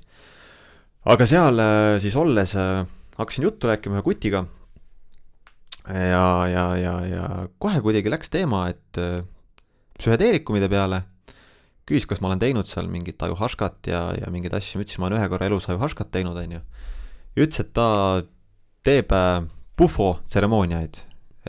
Pufo alvarius on siis üks konnaliik Mehhikos ja kellelt saadav mürk sisaldab siis väga suures koguses DMT-d. DMT on siis molekul, mida, mida sisaldab ka näiteks väga palju ajuhaška, mida sisaldab inimese keha, taimed ja väidetavalt siis, kui inimene sünnib ja sureb, siis meie keha või aju siis eraldab väga palju seda DMT-d. Põhimõtteliselt nagu spirit molecule, eks ju mm. -hmm et ma olin varem kuulnud sellisest asjast nagu DMT, eks ju, kuulnud, et see on väga intensiivne, väga lühike, võrreldes näiteks ajuhaškaga, on ju, et ta on niisugune kahekümne minutine trip, on ju. ja ma olin nagu otsustanud, et ma ei taha seda teha, et noh, ma tegin oma ajuhaška tseremoonia, ma sain sealt väga olulised taipamised enda jaoks. ja noh, ma olen alati olnud nagu nii-öelda droogide vastu, eks ju, endiselt olen. See ongi disclaimer, mida ma tahan siia ette öelda, et endiselt olen droogide vastu ei ole mõtet nendega mängida, ei ole mõtet mõelda, et oo, teeme sõpradega seeni või teeme LSD-d või lähme, lähme vaata, mis ajuhaška on või teeme DMT-d või lollus, lollus, nende, nende substantsidega ei tasu mängida, et äh, igaks asjaks on oma aeg, oma koht. mina olen ajuhaškat kasutasin väga teadlikult tööriistana ja ka seda DMT-d kasutasin seekord väga teadlikult siis nagu isiklik, nii-öelda mitte isikliku arengu, vaid sisemise arengu tööriistana, on ju, nii-öelda teraapilise tööriistana. me jõudsime tegelikult, ma segan siia vahele, me jõudsime autos äh, eile, eile autos äh, Väätsala sõites minu siis jõudsime tegelikult ka selleni ju tegelikult ühise mõtteni, et et kõik need äh, teraapilised vahendid, olgu siis teraapia, olgu see mingid taimed, olgu see mingisugused muud mõnuained, mis iganes veel, viisid, mida keegi kasutab, need on kõigest nagu tööriistad, et näha seda korraks nagu seda kas näha korraks mingit suuremat perspektiivi või tunda ennast nagu sellisena, mis tunne oleks, kui ma oleks nii-öelda terve, jutumärkides või paremas seisus. aga, aga nad ei ole, need ei ole nagu, nad on ikkagi quick fix, sa saad tunda seda korraks, see fade ib away, haihtub. ja tegelikult suur pilt on ikkagi see, et sa saad sealt selle nagu touch'i või tunde kätte, mis olema võiks või olla võiks. aga tegelikult igapäevane töö ikkagi peab olema tagasi all. ta ei ole see, et ma teen selle ära nüüd ja nüüd siis ma olen nagu ravitud. noh, mõne võib-olla on, aga suures pildis tundub, et et inimesed nagu arvavad, et nii juhtub, aga mulle endale tundub, et pigem see ongi, et see on ikkagi igapäevane konstantne töö, lihtsalt need aitavad sul nagu mingeid asju vahepeal märgata. jaa, täiesti nõus. Ja see oli ka minu mõistmine, milleni ma jõuangi siis äh, jutu lõpuks, et äh, ma ütlesin jaa, et äh, kutsus mind sinna, ütles, et ta viib selliseid asju läbi, noh, niisugune noor kutt ka, ma ei tea täpselt, vana ta võis olla, pärast ma vaatasin, võib-olla isegi vanem, aga lihtsalt nagu jube noor nägi välja, ma arvan, alates kakskümmend kuus kuni kolmkümmend kuus võis ta vanus mm -hmm. olla, on ju usakas ja ma alguses mõtlesin, ei, ma ei lähe sinna, on ju. aga siis äh, me olime kontakte vahetanud ja, ja, ja, ja nagu rand, rand, mille lähedal me elasime, Sen Beach äh,, kuidagi seal suhtlesime ja ütles, et ta on seal rannas, ütlesin, et davai, ma toon ajan juttu. Läksin sinna, istusin maha ja kuidagi tundsin koheselt, et mul on nagu mingi resonants selle inimesega, ma nagu haakun temaga, ma usaldan teda. Ja rääkis ka oma lugu, eks ju, et kuidas ta jõudis selleni, et ta ise neid äh, nii-öelda tseremooniaid läbi viib ja et ta ise kunagi Mehhikos seda tegi ja ja, ja peale seda hakkas nägema unenägusid, hakkas nägema unenägusid, kuidas ta ise seda tegi ja kuidas ta teistele seda nii-öelda andis mm -hmm. siis nagu läbi viis, on ju, ja ja, ja sai nagu tugeva sellise sõnumi, et äh, ta peaks seda tegema. ja läkski siis nii-öelda õppima seda, siis selle nii-öelda šamaani juurde ja nüüd ta siis äh, ongi vist mingi aasta või kaks reisin, reisib ringi ja nii-öelda siis pakub inimestele seda võimalust ja mõtlesin, et okei okay,, äkki ikka peaks minema. mõtlesin, et lähen, leppisime aja kokku, päev jõudis kätte, jälle oli sees see tunne, et no miks ma lähen sinna, no ei ole mõtet ju, no milleks sa lähed, Martin, nagu sa, sa niikuinii juba oled õigel rajal, kõik liigub, on ju, no ei ole vaja. Ja kirjutasin, alguses juba mõtlesin ka, et mõtle mingi hädavale välja, aga mõtlesin, et kurat, ma ei suuda, no see on nii vale, ma lihtsalt olen aus, ütlen, et ma kardan ja on ka nagu see küsimus peas, et milleks mul seda vaja on. ja siis ta kirjutas jumala hästi, et kuule, aga et ära muretse, on ju, et tahad, tule kohale, tule vaatama, et äh, tavaliselt äh, on näiteks kaks inimest korraga, kellele ta teeb siis need äh, seansid kordamööda, on ju, et tule vaata pealt, aita ruumi hoida, et sul on hea energia, et sa ei pea tegema seda, eks ju. Ja olime just üli, ülihalb päev oli olnud, et äh, ma seal suutsin oma selle ID-kaardi lukku panna, ära blokeerida ja ei saanud oma rahadele enam ligi ja Anjaga läksime tülli peale seda veel ja ja mõtlesin, et no päev oli juba nii sitt, et noh, kurat, kaotada enam midagi ei ole, ma lähen kohale, et pärast on see kahetsus ka veel, et miks ma kohale läinud, on ju. Läksin kohale, teist inimest seal ei olnud, teine hüppas alt ära, kes pidi ka minema seansile. Ja olingi mina, siis see kutt, kes seda läbi viis ja siis üks tüdruk, kes nii-öelda aitas ka siis nii-öelda siis energeetiliselt ruumi hoida mm. -hmm. ja istusin maha sinna, tundsin äh, sihuke väga, jälle tekkis usaldus leppisime kokku, et okei okay,, ma teen siis äh, nagu mikrodoosi ja, ja, ja aga mis ta on, vedelik või ta on, äh, ütleme, see mürk on siis nagu ära kuivatatud ja ta on niisugune nagu selline nagu niisuguse tolmu või pulbri kujul mm. -hmm. Ja, ja ta pani siis seda sellisesse nagu mingi statiivi moodi selline klaasist ja siis kuumutas alt ja siis see toss kõik tekib sinna selle statiivi sisse, eks ju, või kuidas seda nimetatakse. vaata, nagu on need niisugused katseklaasid või sellise kujuga asi. Okay. sellise kujuga asi, aga natuke suurem selline. tõmbasin selle tossu sisse ja võtsin niisuguse mediteeriva asendi, niisuguse lootuse asendi, istusin maha ja, ja tundsin, et mingid, mingid piirid nagu kuidagi kadusid ja hakkasin lihtsalt nutma, hakkasin lihtsalt nutma, tönnama. mul hakkas endast väga kahju ja, ja tundsin, et justkui tekkis selline tundmus, et nagu mu mingi sügavam osa minust paluks andestust. et, et ta on pin-, pidanud, et ta on pannud mind läbi selle lapsepõlve see kõlas praegu valesti, ta on pannud mind. ühesõnaga, et nagu justkui, et mu hing on valinud tulla siia kehastusse, on ju, valinud mm -hmm. käia läbi selle lapsepõlve et, et justkui palus nagu andestust ja mõistmist ja, ja nutsin, tönnasin seal natukene. ja sain aru, et vau, siin on midagi olulist peidus, et mm -hmm. lähme sügavamale. ja tegin veel siis umbes ütleme pool doosi siuksest nii-öelda täisdoosist. ja heitsin pikali maha ja, ja noh, see oli uskumatu lihtsalt, et äh, ma sain nagu nii tugeva kontakti selle valu ja kurbusega, mis on mu sees olnud, selle raskusega. ja see kõik äh, vabanes ma nutsin meeletult. aga see ei olnud nagu sihuke ohvrinutt, vaid see sihuke vabanemise mm -hmm, nutt mm. -hmm. lihtsalt nutsin, värisesin, kõik pinged vabanesid kehast, kallistasin ennast. nii nagu kahju oli endast ja teisalt äh, oli nagu sihuke täielik mõistmine tekkis enda vastu ja, ja, ja, ja saingi aru, et ma pean iseendale andestama ennekõike.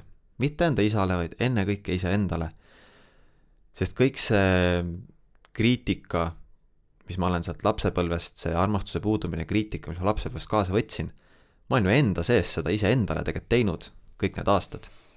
olgugi, et see algus on ju lapsepõlvest, aga täiskasvanu eas ma olen ju ise seda pidevalt endale tegelikult teinud alateadlikult. Ja palusingi nagu endalt tõsiselt vabandust. Ja andestasin endale ja andestasin ka enda isale, andestasin kõigile. Mm, tundsin, kuidas minus on ju väga palju tegelikult enda isa, kuidas äh, ma olen, ütleme, mu keha on selline tugev, hästi kiir-, kiirelt lähen lihasesse, on ju, hästi jõuline. ja mu isa on selline ja tundsin, kuidas äh, ma olen vihanud ennast äh, ja ma ei ole suutnud nagu omaks võtta täielikult nii-öelda own ida oma keha.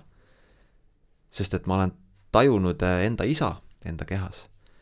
ja kuna ma olen vihanud oma isa, siis ma olen vihanud ennast ja kuidagi võtsin omaks oma isa, andestasin talle, mõistsin, mis nagu vägi on tegelikult peidus seal.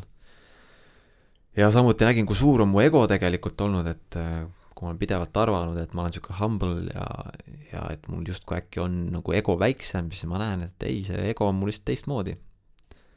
aga et see ego on olnud väga suur ja just nimelt sihuke kuidagi põikpäisus ja kõik selline, on ju. ja väga ilus kogemus oli, väga ilus kogemus oli ja väga tervendav, väga teraapiline. tahad sa vahepeal lisada midagi? ei soovi? Mul lihtsalt äh, ei, resoneerusin nagu selle isa jutuga selles mõttes, et saan nagu aru, et näeme nagu, see ongi noh, et sa näed nagu läbi neid asju, et, et asi ei ole nagu sinu vanemas, vaid, vaid see on sinus endas sees, et et kui me oleme enda isa vihanud, siis me tegelikult vihkame iseennast ja sama nagu mm -hmm. mul ma näen, et et enda sellest teraapia kogemusest rääkides, et kui et miks, miks keegi käitub minuga niimoodi, on sellepärast, et see inimene käitub tegelikult või tal on nagu need tunded ja emotsioonid selle inimesega, kelle kohta ma täidan energeetiliselt. ja ma lihtsalt, ma lihtsalt, ma lihtsalt näitan talle sama inimest jälle mingil põhjusel alateadlikult ja seetõttu on temal nagu see reaktsioon minu vastu, sest et ta on harjunud tegema seda selle inimese vastu, tundma seda.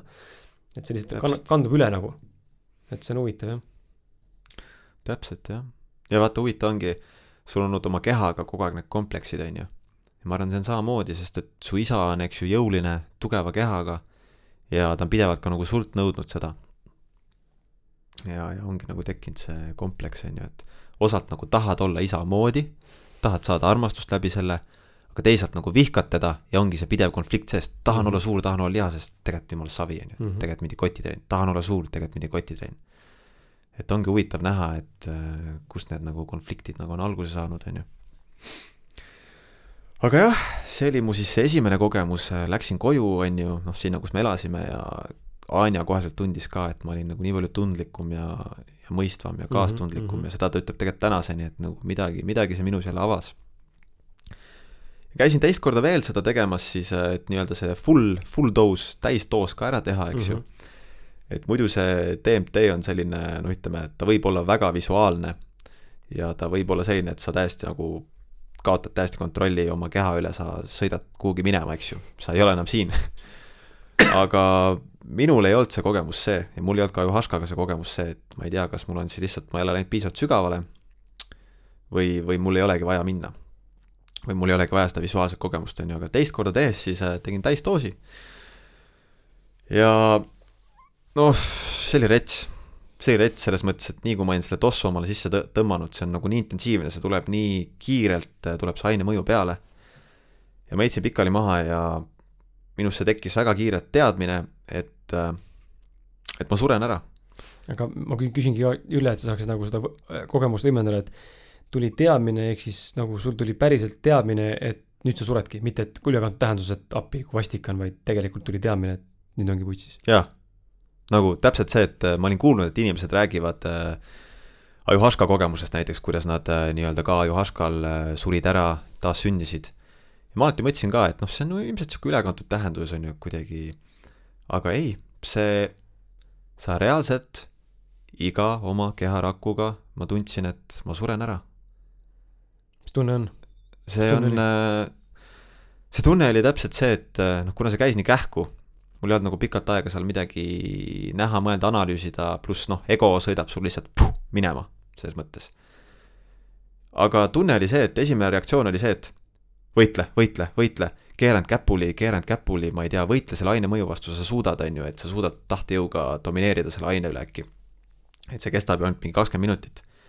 ja nii kui ma seda mõtet jõudsin mõelda, koheselt ma tundsin, et ei, kui sa seda teed, sa teed selle asja endale kümme korda hullemaks. Ja oligi peas see mõte, et ma suren, mu valikud on mind siia toonud. Anja, Anja oli ka seal minuga äh, nii-öelda vaatleja rollis. vaatleja, eks ju. üks teine mees, kes pidi ka tseremoonial olema, aga kes vist hakkas kartma natukene või ei olnud õige ette tema jaoks, oli ka seal üks vanem mees. ja siis see Daniel, kes siis seda tseremooniat mul läbi viis ja ja sihuke rahustav muusika mängis taustaks ja tundsin, et kõik mu valikud on mind siia toonud. Kahju, et ma ilmselt ei näe Ainat rohkem ja siia ma suren. praegu tunnen, ma muutun nagu emotsionaalseks, kui ma sellest räägin et siia ma suren ja, ja ilmselt mingil tasandil ma siis äh, tegin sellega rahu. ja järgmine hetk, plaks, ma nagu ärkasin üles. ma oleks nagu ärganud äh, halvast unest õhu, need kopsud täitusid õhuga järsku, on ju, ja lihtsalt täielik vabanemine, et äh, kui inimesed räägivad nirvaanast, kui inimesed räägivad äh, valgustumisest, ärkamisest, siis noh, ma olen üsna veendunud, et see on see, mida ma kogesin. et oligi, hetkega oli, kõik oli lihtsalt niivõrd lihtne, see tunne oli nagu segu tänutundest, äh, rõõmust, niisugusest elujoovastusest täielik mõistmine, täielik teadmine, otsene teadmine, kontakt äh, kõikide teadmistega, mm, kõikide oma nii-öelda mustrite läbinägemine, meeletu selline armastus.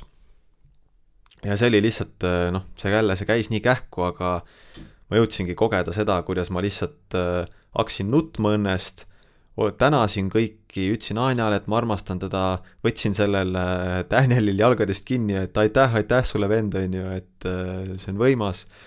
ütlesin sellele vanemale mehele, kas sa võid tulla siia, kas ma võin sind kallistada, on ju. et nagu lihtsalt inimkontakt tundus nagu nii võimas ja ma tundsingi läbi tema nagu seda lähedust võib-olla oma isalt, mida ma ei ole kunagi saanud, on ju. Mhm. ja mingi aeg sain siis kogeda seda kõike nägin ka läbi kogu oma lapsepõlve kõiki neid mustreid, kust kõik see tulnud on. mingi aja sain kõike seda kogeda, järgmine hetk, plaks, oli kõik jälle normaalne. ego oli tagasi, kõik mustrid olid tagasi, kõik oli nagu omal kohal tagasi. ja siis mul oli sihuke nagu, et oota, what the fuck. ma nagu tundsin kuidagi isegi, et veidi selline nagu mingil määral nagu isegi ärritus tekkis, et mis see nüüd oli? alles oli Nirvana alles ma surin, siis oli Nirvana ja nüüd ma olen nagu tagasi siin mida kuradit nagu. ja siis ma olin seal mingi aeg seal pikali maas, aga mul olid ikka need kõik need mõistmised olid nagu nii värskelt alles. rääkisin oma mõistmistest seal, ahetasin, ohetasin, et mis mõttes, mis mõttes see nii veider kõik on ju.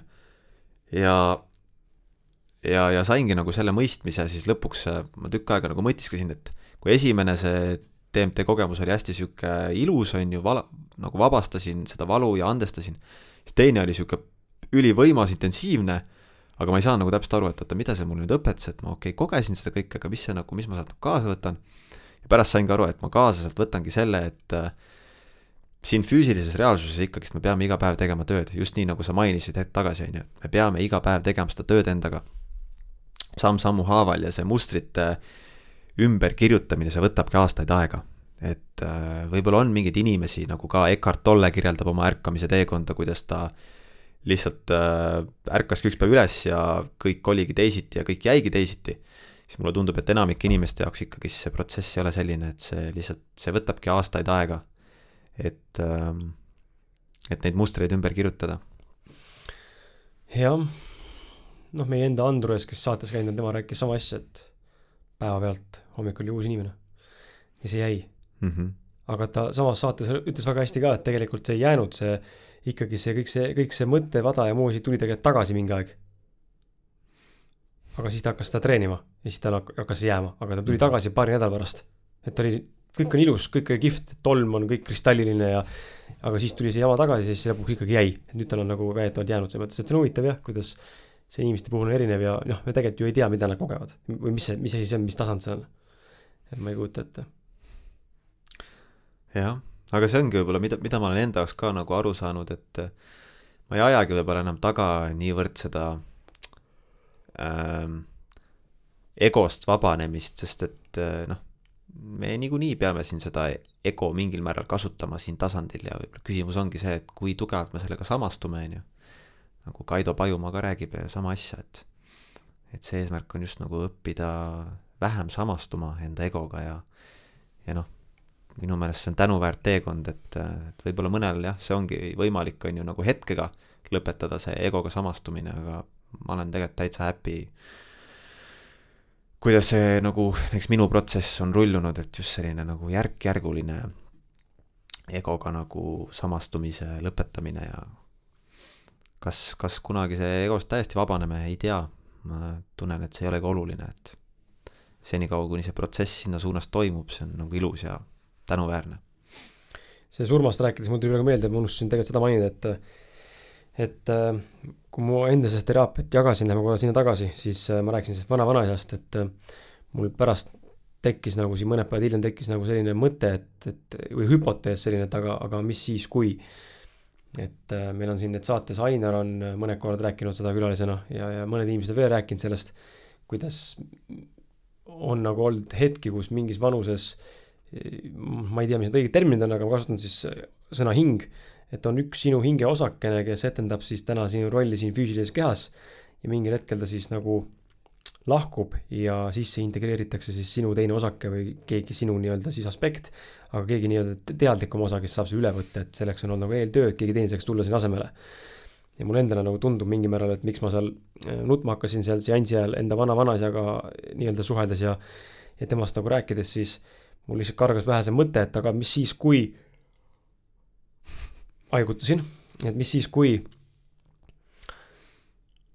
mis siis, kui, kui ma nelja-aastaselt äh, nagu see laps, kes seal sees elas või nagu see hing, kes oli siis lapsena nelja-aastaseni, see lahkuski minu füüsilisest kehast.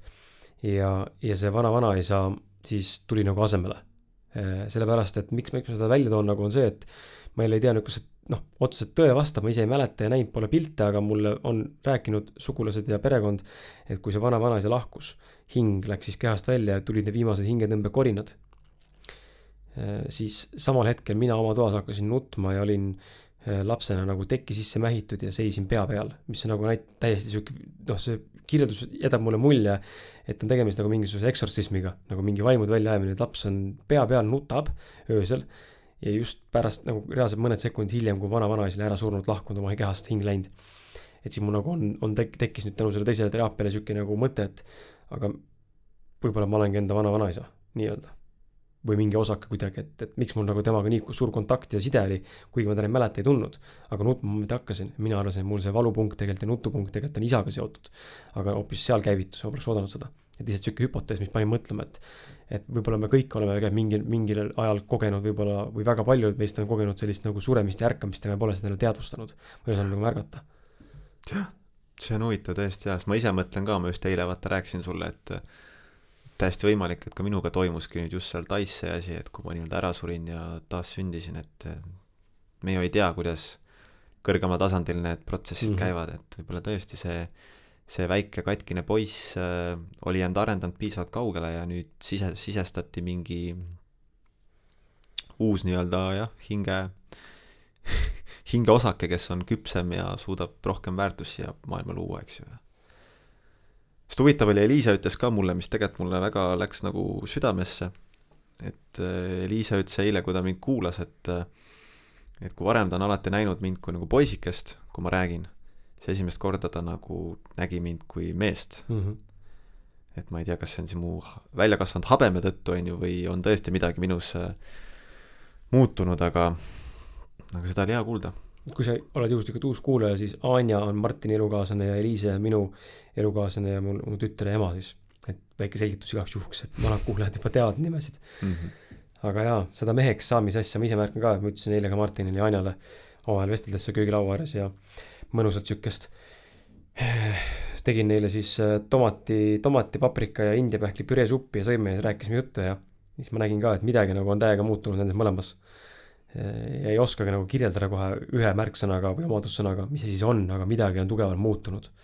ja, ja ma tahtsin autos juba küsida ka, aga ma ei küsinud, aga Liis jõudis siis pärast kodus ette. ma tahtsin kohe küsida ka, kuidas, kuidas siis nagu, kuidas suhe nüüd on, sest ma nägin, et te olete nagu soojemas suhtes kui enne, mulle tundus vähemalt mm. -hmm. et noh, loomulikult mingeid nääklemisi võib olla, on ju, aga, aga just see, ma näen, et midagi on nagu see reis nagu suhtega teinud.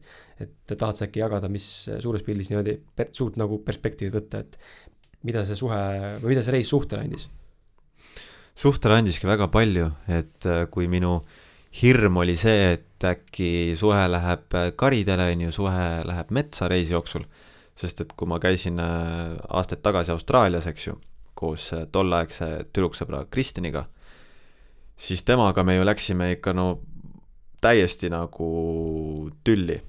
või noh, selles mõttes, et see reis kannataski, ma tunnen, et miks ma ei saa sellele reisile tagasi vaadata, öelda, et vau, see oli vinge kogemus, ma arvan, ongi väga suuresti seetõttu, et meie suhe lihtsalt see, see energia, mis meie suhtes valitses, oli lihtsalt enamus aja nii mürgine ja nii nagu halb. Ja noh, peale reisi suhe lagunes, eks ju. et eks ma olin sedasama hirmu endaga kaasa kandnud ja ja esimene nädal siis kohale jõudes sinna Indoneesiasse, sinna Simelu saarele, sinna surfikeskusesse, esimene nädal oligi tegelikult, me hakkasime täiega tülitsema ja mul tekkiski see tunne, et oh, perse küll, et lähebki samas suunas. aga õnneks äh, peale mingit nädalat ma sain aru, et mul oli tegelikult endaga nii suur konflikt. ja peale seda esimest nädalat põhimõtteliselt äh, oligi, meil ei olnud äh,, meil ei olnud äh, meil ei olnud vist ühtegi sellist väga suurt tüli selle reisi jooksul, mis on täiesti hämmastav. ja pigem ma nagu väga palju märkasin seda, kuidas äh, väga äge on reisida koos Anjaga, väga äge, väga fun, näiteks meile jubedalt meeldis rolleriga ringi sõita mööda, mööda noh, kus me siis parasjagu olime, kas seal Simelu saarel või Balil või Tais, eks ju.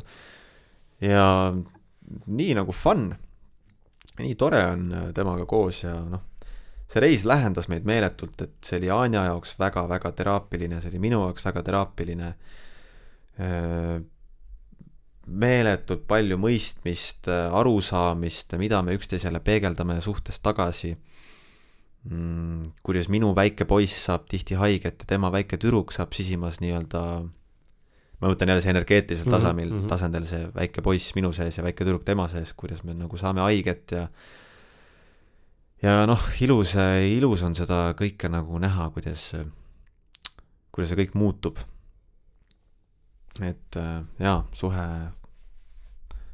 muutus kõvasti sügavamaks ja, ja kvaliteetsemaks kindlasti, et.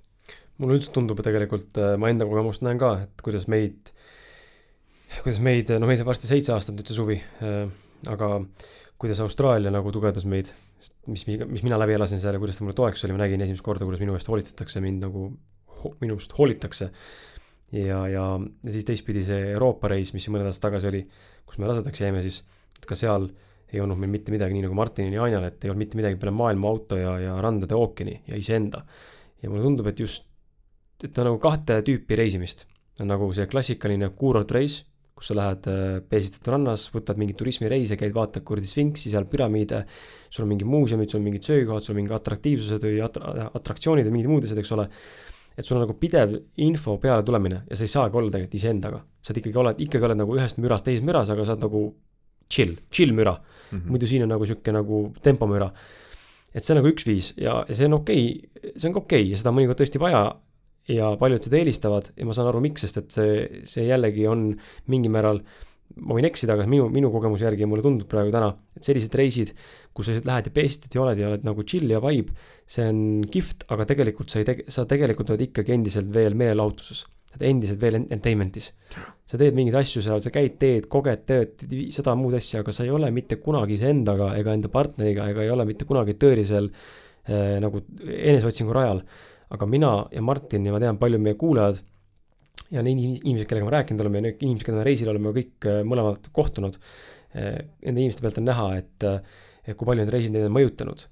ja just sellised reisid, kus sa lähed ja oled ja sul on maailm ja sul on sina ja sa oled välja lõigatud kõigest, sa ei pea koopas elama ega kuskil kuradi džunglis, ma ei tea, bambuse all elama, on ju. et aga just see, et sa ei ole nagu nii-öelda klassikaliselt jälle ühest mürast teise mürasse, siis need reisid on need, mis toimivad väga tugevalt, toovad igast sitta üles, esiteks hakkavad kohe tooma alguses sest et sul ei ole mitte midagi muud kui ainult iseenda paska näha. ja, ja, ja mitte kedagi pole süüdistada, sest mitte kedagi ei ole. saad eemal kõigest tuttavast. eemal kõigest tuttavast ja siis sa hakkadki nägema seda sitta, sest ega see ei kao kuskile, see tuleb kaasa sinuga.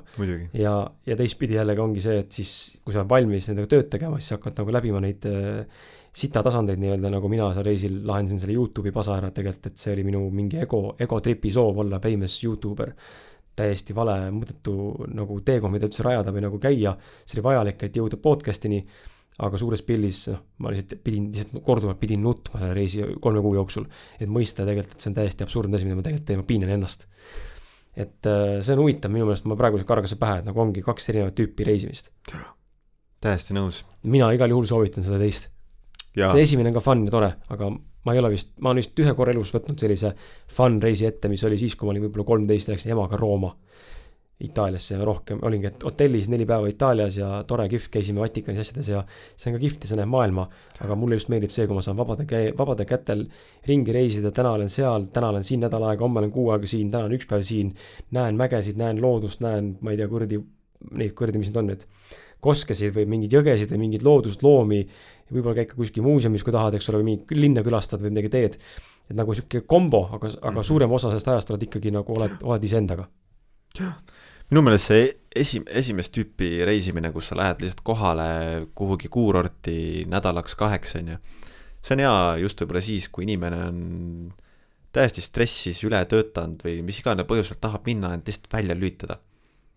ja kus ta ei pea midagi mõtlema, eks ju, et äh, siis on nagu hea mugav minna, et sa lähedki kuhugi päikese alla, sa oled seal basseini ääres, oled seal ookeani ääres, on ju, ja, ja käid ja sööd ja elad hotellis ja kõik on ette-taha tehtud. Just aga see, jah, kui, just see mõtlemise osa, tahad välja lülitada ennast. kui sa oled üksinda, siis hakkad mõtlema. varem või hiljem hakkab sisemine protsess tööle.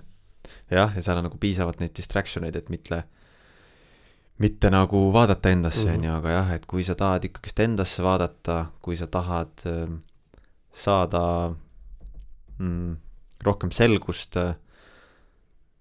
rohkem näha, kogeda, siis on, siis on, siis on nagu hea, hea minna niimoodi. kuigi noh, tegelikult saab ka minna kuhugi ühte punkti ühe koha peale ja ka seal teha väga palju endaga sisemist tööd, et pigem ongi küsimus, palju on neid segavaid faktoreid, on ju. ja küsimus ei ole asukohas, küsimus on, mis sa Jah. teed. nagu, mis, mismoodi sa päeva sisustad. et äh, see, kui sa lähed Austraalias kinno ja siis see ei ole nagu teistmoodi kogemus kui Eestis kinno minna, et see on ikkagi distraction. meelelahutus ühtemoodi. Aga jah, mis ma veel tahan öelda selle reisi kohta, et see on lihtsalt hämmastav nagu näha tegelikult, kuidas äh, elu pidevalt rullub meie ees lahti. Ja me ei näe tulevikku ja me ei peagi nägema, meie asi ongi olla siin praegu anda enda parim igas hetkes, on ju, jaa, sul on mingi kava, sul on mingi plaan, mingi suund, aga põhiline on olla siin praegu, anda enda parim. ja, ja usaldada, et küll see elu rullub nii, nagu ta peab rulluma, et äh, reisil olles ongi hästi huvitav seda näha, et kui sa lähed nagu ilma, ilma plaanideta, kuidas nagu hakkavad tulema võimalused, on ju, et saime sinna, tekkis võimalus minna sinna surfiresorti, on ju, esimeseks kaheks kuuks. Läksime sinna, seal on ju tutvume inimestega, seal tekkis võimalus äh, siis äh, selle resordi omanik pakkus, et tal on Malaisias Kuala Lumpuris korter. mitte ta ei pakkunud, vaid tegelikult me ise nagu küsisime uurisime selle, et kas me saaksime seal äh, ööbida mõned ööd saime, eks ju, megavaatega kahekümne kolmandal korrusel on ju Kuala Lumpuri linnale vaatega korterini, saime seal tasuta ööbida. Läksime edasi, on ju, Balile, Balil on ju, näed, kohtusime selle Aamiga, eks ju, selle Rootsa, Rootsi tüdrukuga.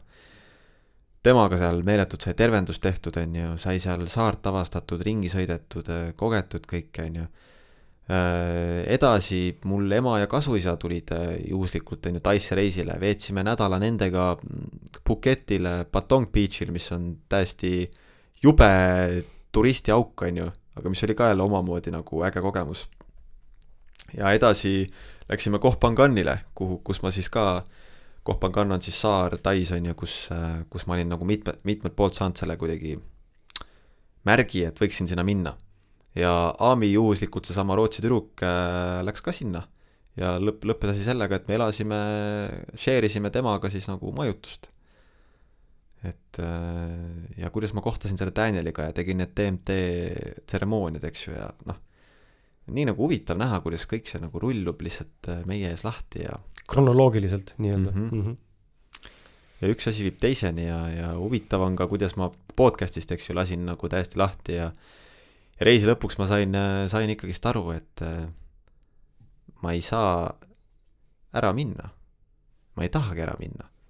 see on kuidagi jälle olnud, see podcast on mulle näidanud nii palju minu enda valu, minu enda mustreid sina oled mulle nii palju näidanud, peegeldanud tagasi minu enda siis äh, sisemisi nõrkusi, on ju, sisemisi haavu ja, ja sellepärast see on olnud väga raske ja sellepärast ongi olnud väga raske vahel aru saada, kas see podcast on see, mida ma tahan teha pikas perspektiivis edasi või ei taha, on ju. ja reisi lõpuks ma nagu näengi, et äh, ei, see on midagi, mida ma pean tegema. see on midagi, mida mulle tegelikult meeldib teha. ja ma tunnen, et äh, lihtsalt see ei oleks õige, see ei oleks olnud õige äh, sellest podcast'ist lahkuda. Mm -hmm.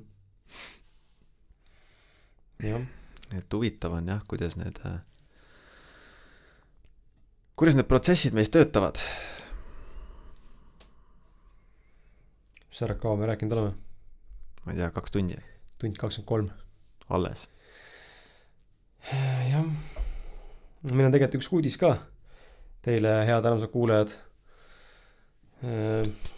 ja, ja eks me peame sellest rääkima, et äh, täna meil, täna on meil kakskümmend üheksa veebruar, see saade tuleb välja esimene märts. täna on siis, kui sa kuulad, on siis esimene märts, kui see saade välja tuli, pühapäevane päev ja me oleme Martiniga siin pikalt rääkinud tegelikult sellest juba, ma arvan, et üks üle poole aasta kindlasti on meil see mõte olnud ja me oleme sel teemal diskuteerinud ja rääkinud ja arutlenud, kuidas seda kõige paremini teha oleks ja mismoodi seda võimalik teha on. ja, ja kas me peaksime tegema seda ja miks me peaksime tegema seda ja sada muud asja otsa. Palju sihukest äh, edasi-tagasi mõtete põrgatamist olnud ja, ja ikkagi täna nagu näeme, et, et, et äh, meil tuleb, tuleb teha see samm, et, et näha, testida nagu elu ühtepidi testida ka mingil määral teid, äh, armsad kuulajad, ja, ja testida ka ennast, kas me oleme võimelised seda nagu edasi kandma. sellised, nagu me tegelikult tahame, et, meie podcast sai algatatud tegelikult ju selle pealt, et meil on endal kirg või noh, kuskil ala, sügavas sisimas olev mingi kirg, et teha, jagada enda, enda informatsiooni ausalt, vahetult, äh, filtrita ja, ja siiralt ja, ja nii edasi ja kõike seda muud, mis me siin koos külalistega pakkunud oleme.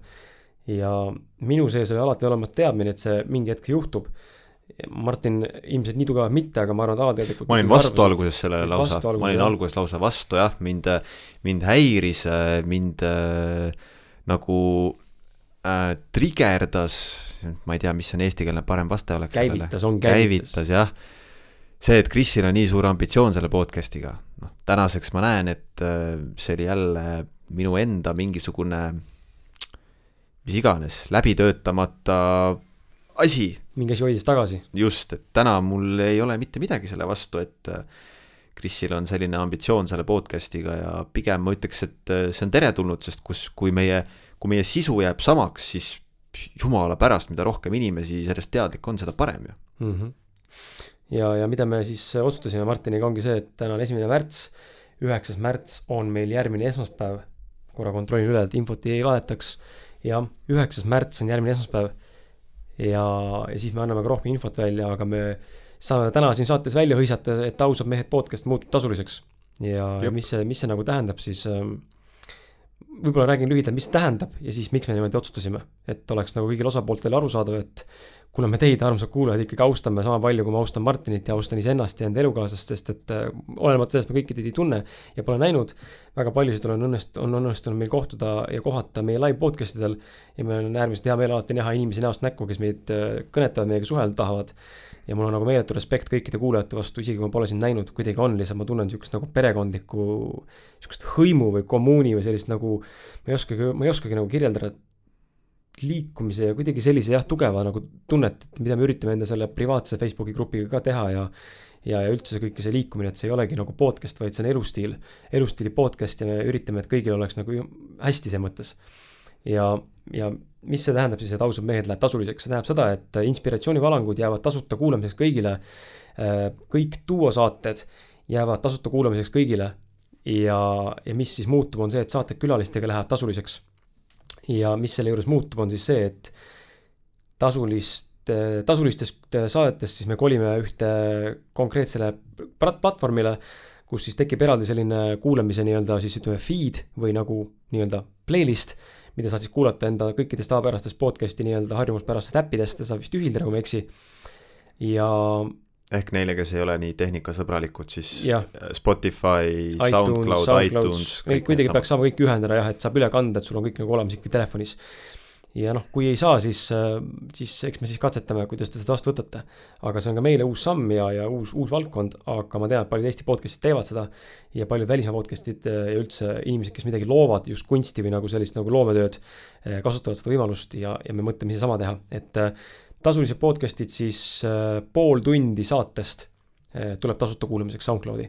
ja ülejäänud siis osa, kui sul peaks see poole tunni jooksul ära käima klikk selle saate külalisega ja sa tunned, et soovid seda kuulama hakata, siis äh, tuleb sul maksta sihuke sümboolne summa meile või siis võtame seda, võtame seda asja isegi mitte kui teenust, vaid võtame seda asja selliselt, et energiavahetus. energiavahetus, meie pakume teile väärtust, mida me oleme teinud poolteist aastat, varsti kaks aastat juba, meil saab maikuus kaks aastat, sinna on jäänud paar kuud et äh, me pakume teile väärtust, me toome teieni huvitavaid mõtteid, huvitavaid ideid, elu muutvaid, äh, ongi teooriaid, elu muutvaid, äh, võib-olla ka mingeid praktikaid, kui sa otsustad mõne külalise juurde minna teenust võtma. et me toome teieni väga palju huvitavaid inimesi ja, ja, ja infot ja meie omalt poolt siis soovime, et et te panustaksite võimalusel siis ja soovi korral meie tegemistesse, et me saaksime seda asja veelgi suuremalt ja, ja veelgi ambitsioonikamalt teha. Et selles podcast'is kasvaks välja selline liikumine ja selline asi, millest me oleme alati Martiniga alateadlikult unistanud. mida ta kasvama välja peaks, kuhu, ma ei tea, ma ei oska seda öelda, sest mul ei ole seda sõna, mida, millega seda kirjeldada. aga ma tunnen siin mingit sihukest suurt nagu ole, olemust või olemist taga, et see ei ole. me, nagu me, me oleme siin varem öelnud ka Martiniga, see ei ole meie podcast, vaid see on teie ja meie, see on meie kõigi ühine podcast, sest et teie panustate sinna sellega, et te jagate ja te kuulate saateid te kommenteerite, te panete arvustusi, te käite meie live podcast idel ja meie toodame content'i ja üheskoos me liigume edasi, et äh, siis võtame seda kui mitte hinda, võtame seda kui, kui tugigruppi või, või nagu toetajaskonda. ja, ja, ja support grupp on inglise keeles tore sõna, et äh, toetame üksteist ja me toetame vastu nii palju, kui oskame ja suudame.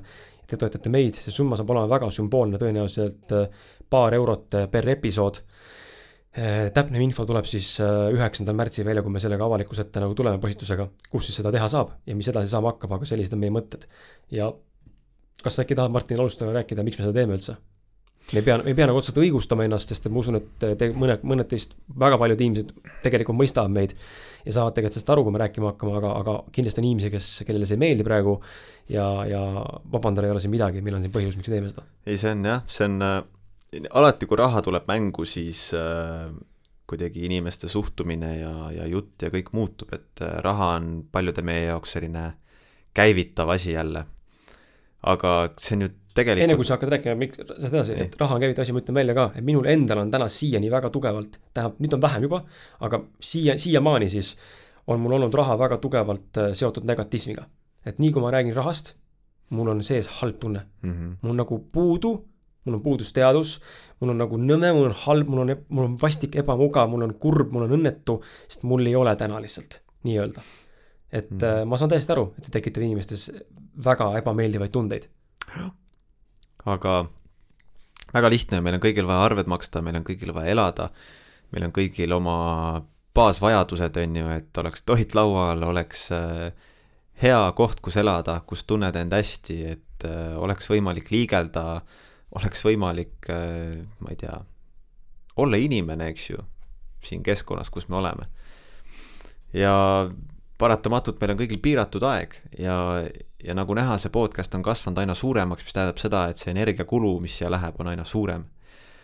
ma ei hakka siin veel endast rääkimagi, on ju, ma olin ju vahepeal üldse eemal ära ja ütleme, terve selle aja ju tegelikult Kris on siia palju rohkem panustanud, on ju, oma aega ja energiat, et äh, aga just nimelt, et äh, igale asjale kulub oma aeg ja noh, ütleme, sa ei jõua enam lõpuks, seal lõpuks hakkab miski kannatama millegi arvelt ja paratamatult äh, tavaliselt hakkavad kannatama need asjad, mis on su nii-öelda hobid, mille eest sa ei saa raha, sest et sa paned oma ikkagist põhienergia tegevustele, mis toovad sulle raha, mis toovad sulle elatise, on ju. ja ongi lihtsalt lihtne taipamine, et selleks, et seda teha hästi edasi, selleks, et tunda end inimestena, peab hakkama toimuma mingisugune energiavahetus ja, ja noh, siiralt kui nüüd mõelda, kui lihtsalt me viskame selle kaks eurot kuhugi, ostame midagi suvalist, on ju, siis kaks eurot nädalas maksta selle eest, et sa saad äh, kvaliteetset informatsiooni tegelikult. tohutut väärtust, on ju, see on meie meelest väga aus stiil või noh, tegelikult võiks siis öelda, et väga, väga odavalt saadud. ja üldse nagu paneb ka mõtlema mind ennast nagu siin meediaagentuuris töötades, mind on nagu pannud mõtlema see, et kõik asjad, mis me täna teeme, nagu Martin ütleski, on ju mõõdetud ajas. ja, ja, ja kõik on ajas ja aeg on väärtuslik ja seda tagasi ei saa ja see muudkui iga päevaga läheb ära ja, ja see on piiratud meil tegelikult täna siin. senikaua, kui me ei mõtle välja, kuidas tekitada aega juurde, aga, aga põhimõtteliselt on see piiratud ja see läheb käest ära. ja, ja samal ajal teha midagi, me teeme seda kirega, me teeme seda suure, suure nagu südame ja sooviga, lihtsalt äh, me tunneme, et on aeg, on aeg nagu näidata elule, et me oleme valmis ka vastu võtma selle eest, et elu meid toetaks ja, ja tegelikult kaudselt siis või otseselt siis tegelikult teie meid toetaksite või näha, kas on inimesi, kes meid toetaks seda tegevust. Et ähm, mõneti nagu raske sellest rääkida, ebamugav natuke mingil määral seda nagu siin öelda, aga samas minus on tohutu enesekindlus, sellepärast et ma hindan ja väärtustan ennast piisavalt palju ja julgen välja karjuda ja öelda siin, et ma toodan kvaliteeti ja ma teen asju väga professionaalselt ja, ja ma olen väärt äh, nii-öelda raha.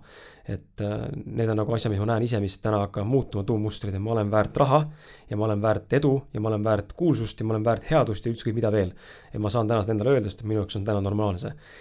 ja, ja lihtsalt äh, just nimelt, et oskus ennast hinnata ja siin ei ole nagu ainult meist juttu, vaid ka sinust, armas kuulaja, et äh, elus tuleb osata ennast hinnata ja, ja arvestada seda, mis on sinu, mis, mis on sinu aeg väärt. et äh, ma olen teinud ka sellise otsuse enda jaoks, et kui ma lähen kellegagi kohtuma näiteks, siis edaspidi ma lihtsalt küsin mingi summa. ja see on täiesti okei okay minu jaoks, kui inimene ütleb mulle, ma olen debiilik ja ma olen egoistlik ja ma olen täiesti nahaalne, see on fine, aga minul, minul on tunnihind täna. sellepärast, et ma näen, et minu aeg täna on väga piiratud ma teen iga päev mingeid asju, mis ma valin endale, ma naudin neid asju, aga kui ma pean kuhugi midagi tegema väljaspool enda tegevusi, mis ma olen endale valinud, siis see aeg on võetud millegi muu arvelt. ja, ja lihtsalt kuskilt tuleb hakata nii-öelda siis ennast toetama, et et ma ei tea, ma arvan, et on inimesi, kes saavad aru sellest ja ma arvan, et inimesi, kes ei saa sellest aru ja see on täiesti okei okay.. see on täiesti okei okay.. et me oleme valmis nägema, mis juhtub meie kuulamistega ja meie jälgijaskonnaga, ma miskipärast tunnen, et midagi ei muutu. pool tundi saadet on endiselt saadaval ja, ja kui sind huvitab, siis saad selle saate kätte aga, aga jah, et sihuke, sihuke lüke siis me muutume siis tasuliseks.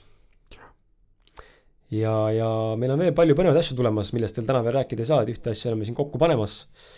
sellega läheb natuke aega veel, loodame, et selle aasta keskel saab selle valmis ja välja, välja antud nii-öelda või nagu välja tuldud sellega. ja loomulikult live podcast ja, ja eks näis, kus me siin veel liigume.